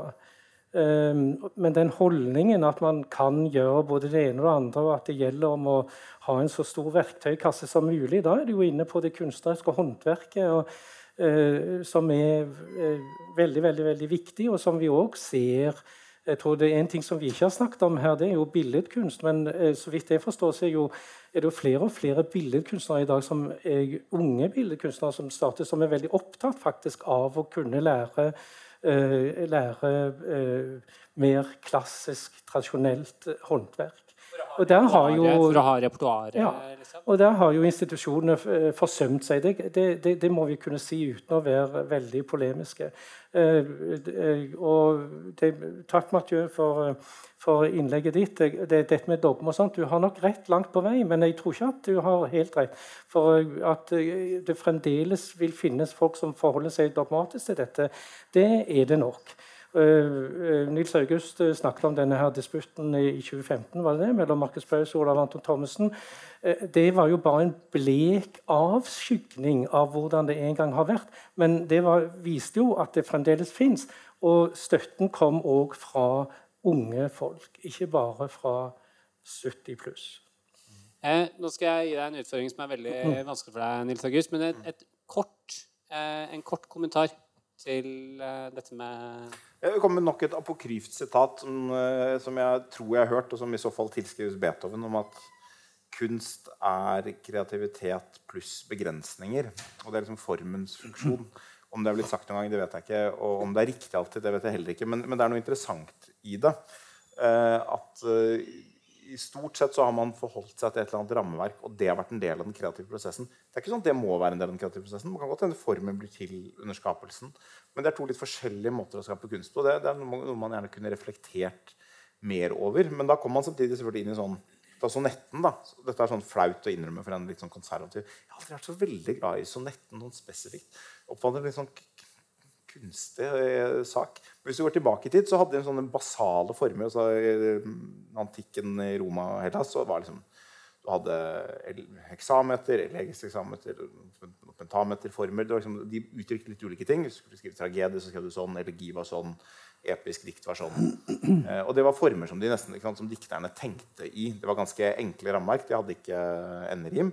Så det var en måte å tenke på. Det, var ganske begrensende, spesielt på latin, som ikke var tilpasset dette versmålet. i det hele tatt, så var det, det var masse ord som aldri kunne brukes i noe versform, fordi lange og korte stavelser passet ikke. Eh, men det var en måte å tenke på eh, som nettopp følte at du måtte hele tiden ha bevissthet om ordvalget, og ikke, ikke kunne si det som falt deg inn. Du måtte si noe, noe, litt annet, eller på en annen måte. Og sånn er det i musikken også. hvis du tenker på Sonateformen eller konsertformen. det er sånn de festet seg litt. og så ble de, Men de ble ganske brede formater som tillot veldig mye, men de tillot ikke alt.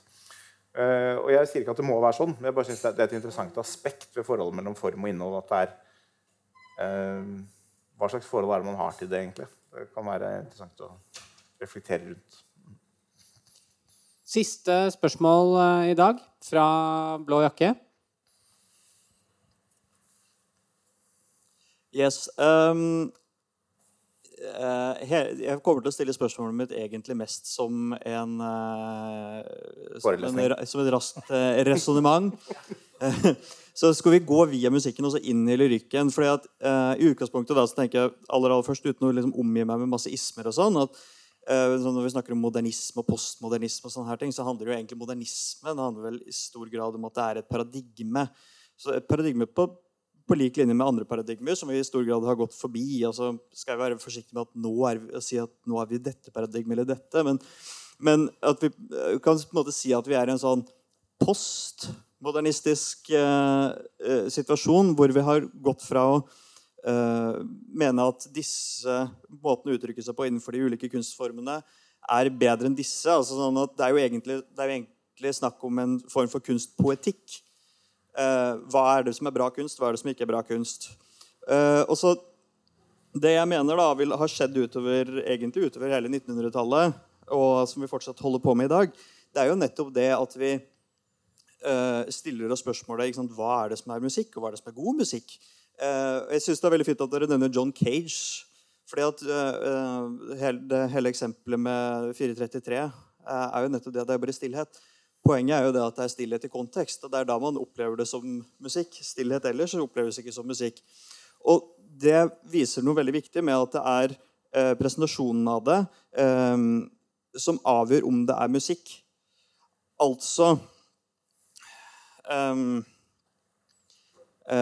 At hva som helst kan egentlig inngå som komponenter i et musikalsk forløp. Uh, og det er jo egentlig det som også strekker seg til lyrikken. Når man da begynner å tenke over det at uh, Hva er det som er lyrikk? Er det lyrikk hvis det er i bundet form? Ok, Nei, det, det, er ikke begrenset til det. ok. Men hva med lyrikk som bare Og det, her er jo det her som ikke har blitt nevnt i det hele tatt, nemlig den uh, performative lyrikken kontra boklyrikken. og da er jo boklyrikken som egentlig har overtatt i en sånn, i en sånn kontekst. Og da er jo spørsmålet er boklyrikk lyrikk hvis det ikke har noen av kjennetegnene til den klassiske lyrikken. Ja. Jeg synes Det er kjempemye spennende her. Er noen ja. tanker om det som sies? Ja, jeg tenker bare på 433. Det er en kjempespennende debatt. Musikk i kontekst, lyd i kontekst. Eh, jeg er sånn i utgangspunktet veldig enig. Det er en sånn innsikt man får på et punkt. at det er kjempespennende. En av mine største konsertopplevelser var da dirigenten plutselig slo av en del av musikken og, man, og skapte en sånn stillhetsfølelse som var uventet for musikerne. Publikum kunne ikke vite at det var uventet, de hadde ikke hørt før. Men, men, eh, vi som visste at det skulle vært musikk, og så var det stille, det var en sånn kjempesterk opplevelse. Uh, men det blir veldig fort en klisjé. Altså Musikk i kontekst, den der kontekstbiten, når du først har oppdaget det, så er det så, også veldig fort utbrukt. Og det er Et av poengene til, til Markus Paus i diskusjonen med Ole Anton Thommessen er at veldig mange av disse virkemidlene i modernismen er veldig fort klisjeer. Og, kanskje raskere enn de gamle formene. Fordi det er store konsepter som uh, kan varieres på unødvendig antall måter, men hvor innsikten egentlig bare kommer én gang. Så, så, jeg synes det, det, er et poeng der. Uh, når det gjelder uh, lyrikken, så er det på en måte litt av det samme at du oppdager at du kan bruke ubunden form og ha det som et virkemiddel. og Det er jo helt greit, helt naturlig at man oppdager det. Men hvordan ble det sånn at 95 av all publisert lyrikk skrives uten rim og rytme. Og så er jeg enig med deg, Du har denne slam poetry, du har masse ting som uh, skjer utenfor denne boklyrikken. Og det, det, er derfor denne, denne, diskusjonen er en viss forstand snever. Den, denne diskusjonen handler om et, en form for et snevert felt, men jeg vil si et viktig felt. Den kunne vært nyansert uendelig med å ta inn all slam poetry som fins. Det er masse, masse kjempespennende, men det er bare når det ikke er nevnt her, er det bare fordi det har vært alludert til. Men det er bare en litt annen debatt. Ja, jeg syns òg det er spennende det som du, du bringer inn her. Og, og, dette med kontekst eh, det, det dreier seg jo òg om forståelsen. Altså Forståelsen har òg en kontekst. Så eh, Hvis man eh, ser på f.eks. For forståelsen, den modernistiske forståelsen av Sibelius, så var den i Darmstadt-skolen eh, som, var eh, like etter, like etter andre verdenskrig. Du hadde en, en hard nail der som heter René Leibowitz. Han karakteriserte jo Sibelius som den verdens dårligste komponist. Um, og det var jo med vekt på uh, det forgangne, eller det som ikke var up to date da, i forhold til den tiden Sibelius uh, skrev sine verk. Um, uh, Adorno var jo òg helt på den linjen der. Han tenkte på Sibelius som nærmest som en dilettantkomponist. Uh, Boles var jo enda verre. Det var så ille at jeg kan faktisk ikke huske det. tror jeg har fortrengt. Eh, men eh, når man da kommer litt lenger fram i historien, så jo, ser man jo faktisk det at flere modernistiske komponister begynner å skjønne eh, det moderne ved Sibelius. Altså, da er det, ikke, det er ting ved Sibelius ikke bare dreier seg om tonehøyder og tonalitet, og sånne ting, men som dreier seg om, om, om, om form og, og bruk av motiver og sånne ting som det. Så da vil du finne faktisk mange som har understreket det der. sånn at eh, vurderingen av en sånn en komponist som, som, han endrer seg eh, med, med eh, forståelsen av det, altså. Ja, nei, jeg kan nå først og fremst svare litt på det som ble nevnt med eksempelvis slampoesi. Altså, det er jo helt riktig som du sier at altså, lyrikken har jo egentlig sitt, utvilsomt sitt opphav i musikk, på sett og vis, eller i sang. Da. så det jo, ligger jo selve ordet. Lyrikk, ly, lyra. Det er jo sang til lyrespill og så, videre. Og der er når man gjenfinner egentlig mange språk rundt omkring i verden òg, at det er nærmest eh, synonymt. Da, på en måte dikt og sang. Det, det, er en, det samme. Men så selvfølgelig så med eh, endringer i samfunnet så har jo eh, behovet for den eh, nedarva muntligheten eh, avtatt. Og Lyken har eh, meldt sin overgang til bokformatet. Og dessverre vil jeg kanskje si, og det tror jeg man må være ærlig om, en del samtidslyrikk glemmer kanskje det der at musikalitet er egentlig et helt sentralt kriterium da, for lyrikk, eh, sånn som jeg oppfatter. Og det er jo egentlig, hvis man går til liksom, litteraturvitenskapen, så tror jeg man vil ha eh, støtte for det eh, synet. Så det Slampoesi er jo noe som eksisterer. Det er jo ikke, det er jo ikke så stort, men populærmusikken som har vært nevnt, er jo veldig stor. og ja, så eh, det, det der eh, Det, det fins jo, og det, det, har blitt spådd at liksom, boklyrikken er død, for å si det sånn. Og det, ja, hele scenen vil overtas av andre. Mm. Jeg vil bare, Dette er reklame for nyeste Minerva, så jeg beklager det kommersielle aspektet her. Men, men, eh, men, jeg vil bare plukke opp det du sa med musikalitet, som, for å vise hvordan store sjeler tenker, tenker likt. Um, ja. Første verset i den, dette, denne lederen, som da er skrevet i form av et dikt, det lyder Alle store skalder før oss visste det som bare småbarn fortsatt vet, at diktet det vil bære eller briste på språkets sang og musikalitet. Så det, det visste man før, og det, det er interessant at du er enig i at man ikke vet det like godt i dag. Du vet det, Nils August, at det der uttrykket der store hjerner eh, tenker likt, det har også en, en, en ende. Det er 'fools seldom differ'. Altså Riktig, riktig. riktig. Ja. Kaller du ham en idiot? Nei, nei, nei, jeg, jeg, bare, jeg, bare, jeg, bare, jeg, bare, oppdaget Dette beklager jeg. Det. I årevis oppdaget jeg at det hadde en, en, en, del to som jeg ikke hadde fått med meg. Um, men Eh, veldig, veldig gode innspill fra publikum her. Vi nærmer oss eh, dessverre landing, men jeg har to eh, korte utfordringer som jeg har lyst til å, å eh, spørre dere om før jeg lar, det, lar, dere slippe ut av panelet mitt. Eh, og det er for meg som, som eh, en amatør, da, kan vi si, når det kommer til kunstnytelse. Altså, jeg, jeg synger ikke i kor. jeg jeg har ikke noen sånn kunstfaglig bakgrunn. For meg så oppleves kunst veldig ved at jeg går inn i et kunstgalleri, og så går jeg fra bilde til bilde, og så eh, føler jeg på kunsten. Det samme med når jeg leser lyrikk. altså Jeg, jeg leser lyrikk, og så, og så, føler jeg på den. Jeg har ikke noe, har ikke noe eh, Kanskje ikke den der faglige anerkjennelsen, men det er noen, noen ganger så treffer det. Da treffer, treffer det meg veldig. Det beveger meg. Og vi snakka jo litt tidligere om dette her med sånn kunsten som var skille god kunst fra, fra mislykka kunst. Altså, hvor viktig tenker dere som fagfolk i kunst, da, hvor viktig er dette med kunstens evne til å bevege? Siden jeg ikke er fagmann, kanskje jeg kan svare først. så du er jo åpenbart dikter, da? så du er... Jeg er uh, amatør på disse feltene, men, men, men uh, mer engasjert amatør kanskje enn deg. Men det, er kjempe, det er et kjempespennende spørsmål, og det er tema for denne musikkdiskusjonen som Minerva hadde for et år siden. Uh, hvor jeg skriver om bevegelse i musikken. Og Emil, uh, Emil Bernhardt, som er komponist og musikkviter, han skriver også om det. Han har et veldig godt poeng, som er liksom en innvending mot min eller han tenkte i hvert fall til en innvending, at bevegelse er sjelden. Og, og for for dem som driver mye med musikk, er det en viss forstand, og, eller lyrikk, så er det nesten på en måte sjeldnere. For man, man, hører så mye, man ser så mye, man er så vant til så mye. Og så ofte når man leser, så er man i en stemning, en sinnsstemning og en holdning hvor man er vurderende. Analyserende, kanskje, og ikke så litt lar seg bevege. Og vi vet alle sammen at kan, Man kan sitte på konsert og så kan man plutselig være helt i sine egne tanker og ikke liksom, bry seg om det som skjer. i det hele tatt. Eh, mens andre ganger så kan man plutselig blir beveget. Hvis man tenker, man, kanskje man tenker på noe trist, eller man tenker på den første kjærlighet. eller liksom sånt. Veldig mange av oss har et veldig sterkt forhold til sanger vi hørte på videregående, eller vårt første kyss. Eller liksom, det er sånne minner.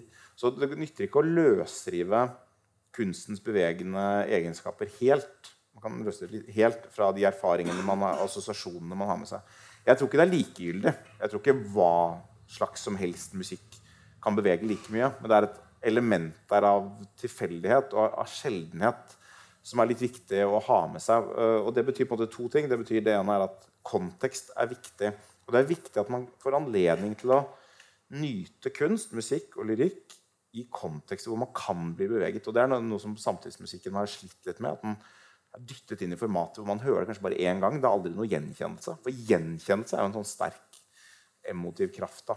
Ehm, det er sjelden man får gjenkjennelse. Og man sitter veldig ofte litt sånn stivt i et konsertlokale. Eh, og er ikke og man, man, kjenner på at det er litt sånn statusforventninger til hvordan man skal like samtidsmusikken. Og så er det vanskelig å, uh, å la seg gripe. Så, så, Det er liksom et element av det. Det andre er at det, fordi det er ganske sjelden hvert fall at de, de, som driver mye med det, blir så veldig beveget, så begynner de å legge vekt på andre ting enn bevegelse. Det kan være intellektuelle forhold eller noe sånt. Jeg tror det er veldig farlig å gi slipp på bevegelsen. Hvis man gir slipp på bevegelsen, så er det ingenting igjen. Men bevegelse er ikke nok. Og det er jo, hvis vi kommer tilbake til Trygge Skau altså, Hva som helst kan bevege. Hva som helst kan bevege. Uh, jeg skal du høre på Tore og Haralds podkast, uh, som er en stor greie inne i Oslo-gryta uh, for, innenfor Ring 3, hvor alle kjenner alle som omtales. Men de har snakket mye om, om en sånn svellende hva, hva, er det som skjer når man blir rørt? En sånn svellende vi-følelse. Altså det, det, det, vet vi alle sammen egentlig, hvis man leser en sånn VG+. Hva er, de, hva, er de, hva er, det de, gjør når de vil gripe oss, i hvert fall de som er småbarnsforeldre? sånn som meg. Det er en sånn sak om et barn som er sykt. eller et eller annet. Da kan du sette på hvilket som helst lydspor, og så begynner folk å grine. Men det betyr ikke at det er god musikk. Det betyr ikke at det er god musikk, det betyr bare at det, nå var det mye på en gang. på en måte. Nå fikk jeg en sånn følelse. Men, men hvis du gir opp bevegelsen, og hvis du gir opp å tenke kritisk rundt hva er forholdet mellom bevegelse og estetikk, da mener jeg at da driver du ikke lenger med kunst, da driver du med forskning. Og det er noe annet. Erlend? Ja. Eh, berøring eh, Bevegelse. Du brukte ordet berøring eller bevegelse? Berøring. Jeg tror, jeg tror, vi kan bruke begge to. Jeg tror jeg brukte ordet ja, bevegelse, men vi, vi, kan bruke begge.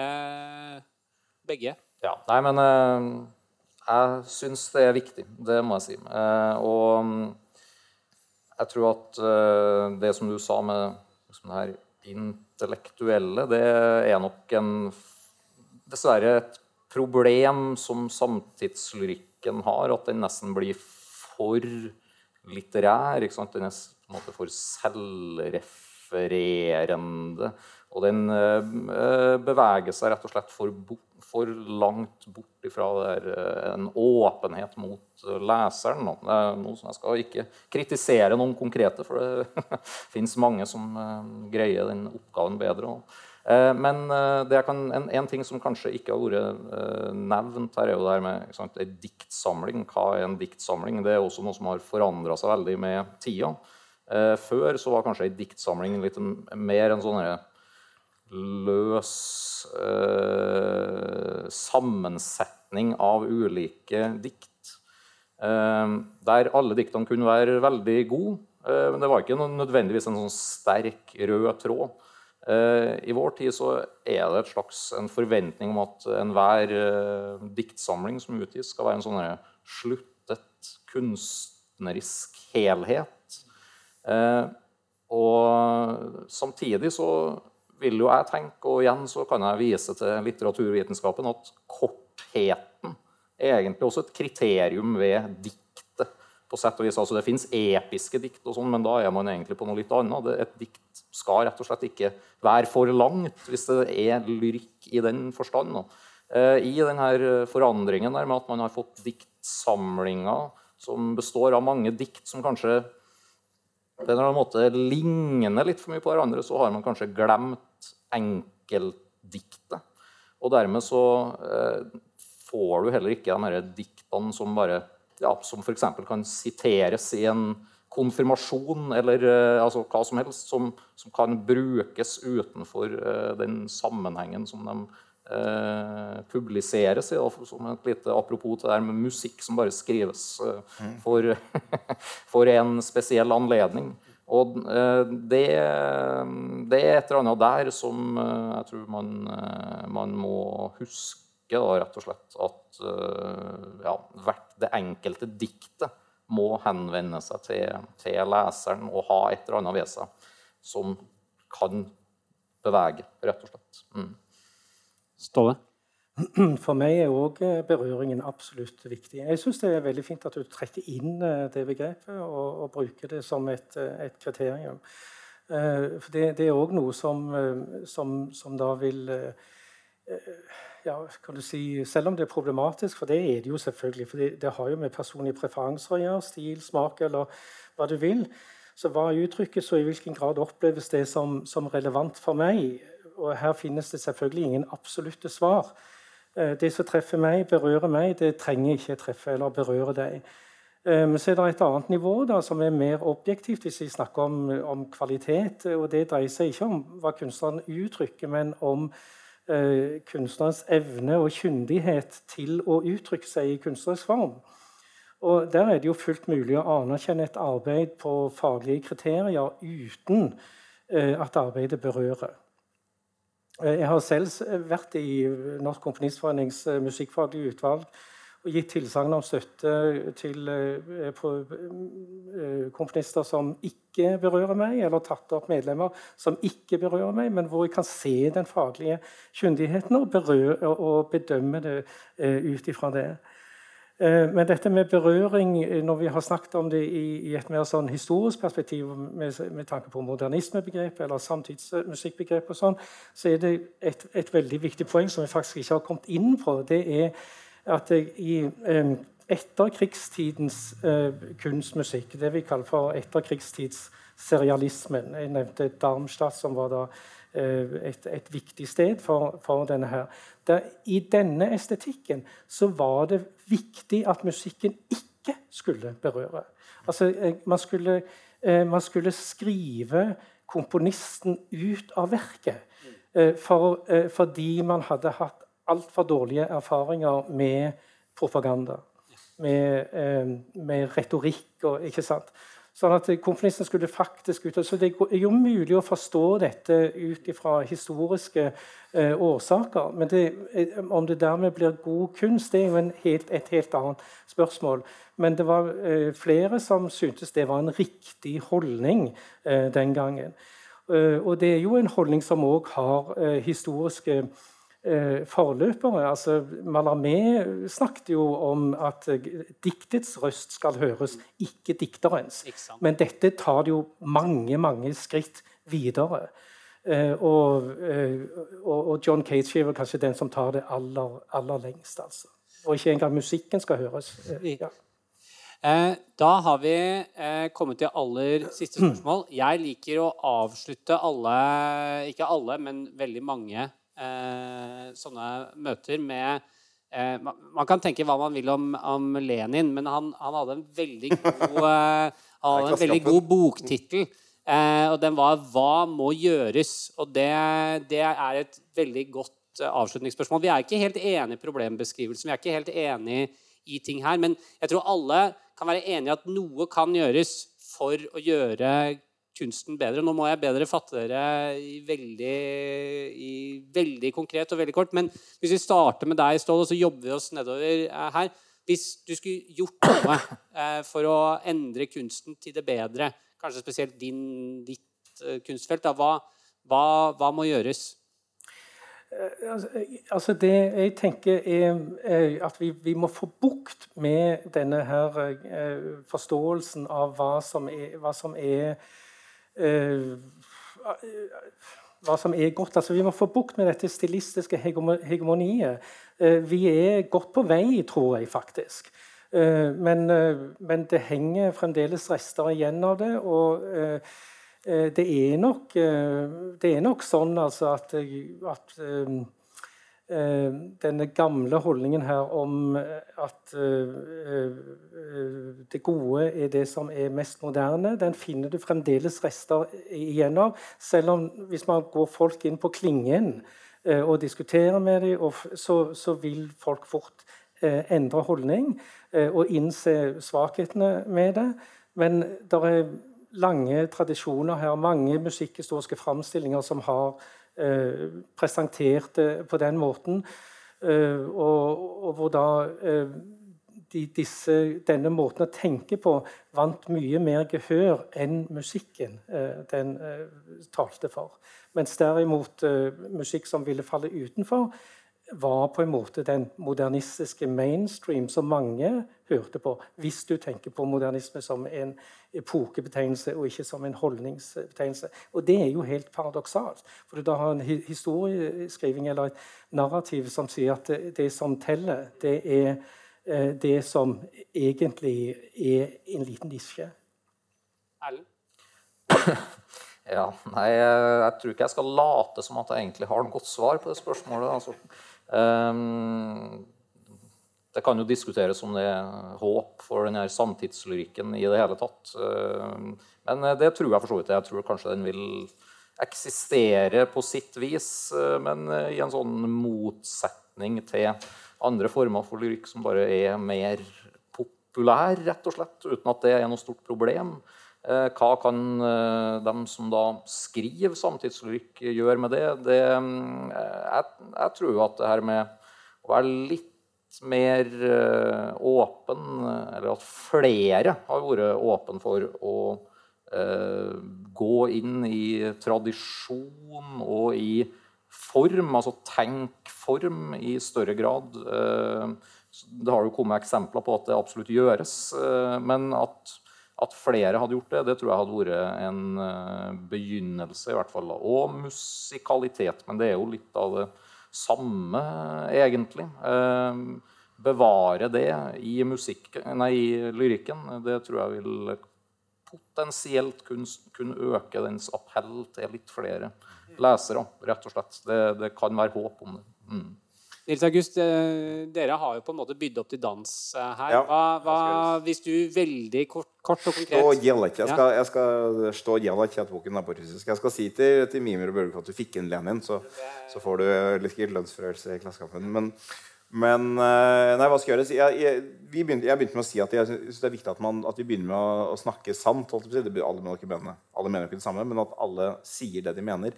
Og jeg, vi er jo ganske enige her, eh, høres det ut som. Men, men, det er nettopp dette med disse dogmene. Jeg vil gi et eksempel fra arkitekturopprøret. hvor et innlegg kom fra byantikvaren i Bergen, som jeg dessverre har glemt navnet på. Men hun skrev sånn, ja, hun skrev apropos ditt spørsmål om at nå er dogmene falt. Ja, men alle dogmer har falt. Nå kan arkitekter tegne hva de vil. Men vi må unngå må ikke, vi, må, vi, må, jo kunne gjøre noe, vi må ikke tegne i tradisjonell stil. Vi må jo kunne, vi må jo kunne tenke fritt uten at vi må bringe inn tradisjonell stil. Eh, men poeng, problemet med det, og det gjelder både i lyrikken og i musikken, er at det ikke å skrive i tradisjonell stil, det er en enorm begrensning. Det er en drastisk, dogmatisk begrensning. Og noen tør å gjøre det, og, og, og, i hvert fall eksperimentere med det. Men jeg vil si liksom, vi, vi, vet at, vi, vi, vet at okay, Når er det vi vet at det ikke er det som er problemet? Jo, det vet vi når et betydelig antall komponister skriver i tradisjonell stil. I en, i en form. Altså, ikke kopier, men på en eller annen måte i en form for tradisjonell stil. Når en betydelig antall publiserte diktere skriver dikt på, på, rim og rytme, og noen gjør det jo, så det finnes unntak hele veien. Men når, når, det blir, når, det ikke er noe tabu, da vet vi i hvert fall at ok, da har, vi, da har i hvert fall det dogmet falt. Og så er det tusen andre problemer, som er norsk er et lite språk, Instagram, Netflix da kan vi begynne å jobbe TikTok. med TikTok. Da kan vi begynne å jobbe med alle de andre Folk bryr seg ikke om litteratur. Folk vil bare se på Paradise Hotel. Da kan vi begynne med alle de tingene etterpå. Da, når folk begynner å si Hei, vet du hva, vi kan jo skrive hva som helst til, så skal vi se hvor bra vi får til. Og så kommer de til å endre det. Fordi de lever i sin samtid. De kommer til å være farget av den tiden de lever i uansett. Men de kom, hvis de føler at det er et helt greit estetisk valg, da er vi et stykke på vei. Og vi er på vei dit, men vi er ikke der. Da vil jeg bare si at jeg føler at dette har vært et uh, ganske vellykka møte. Fordi jeg går herfra i dag sulten på å høre på en del av denne musikken og teste ut, uh, lese lyrikken med, med, både et uh, åpent og et uh, kritisk blikk. Og det tenker jeg er et veldig, et veldig godt tegn. Så vil jeg si tusen takk til publikum for veldig gode innlegg og spørsmål. Og selvfølgelig, mest av alt, tusen takk til panelet på vegne av Minerva og på vegne av Litteraturhuset i Trondheim. Så kjempespennende å ha dere her. Så tusen takk til dere.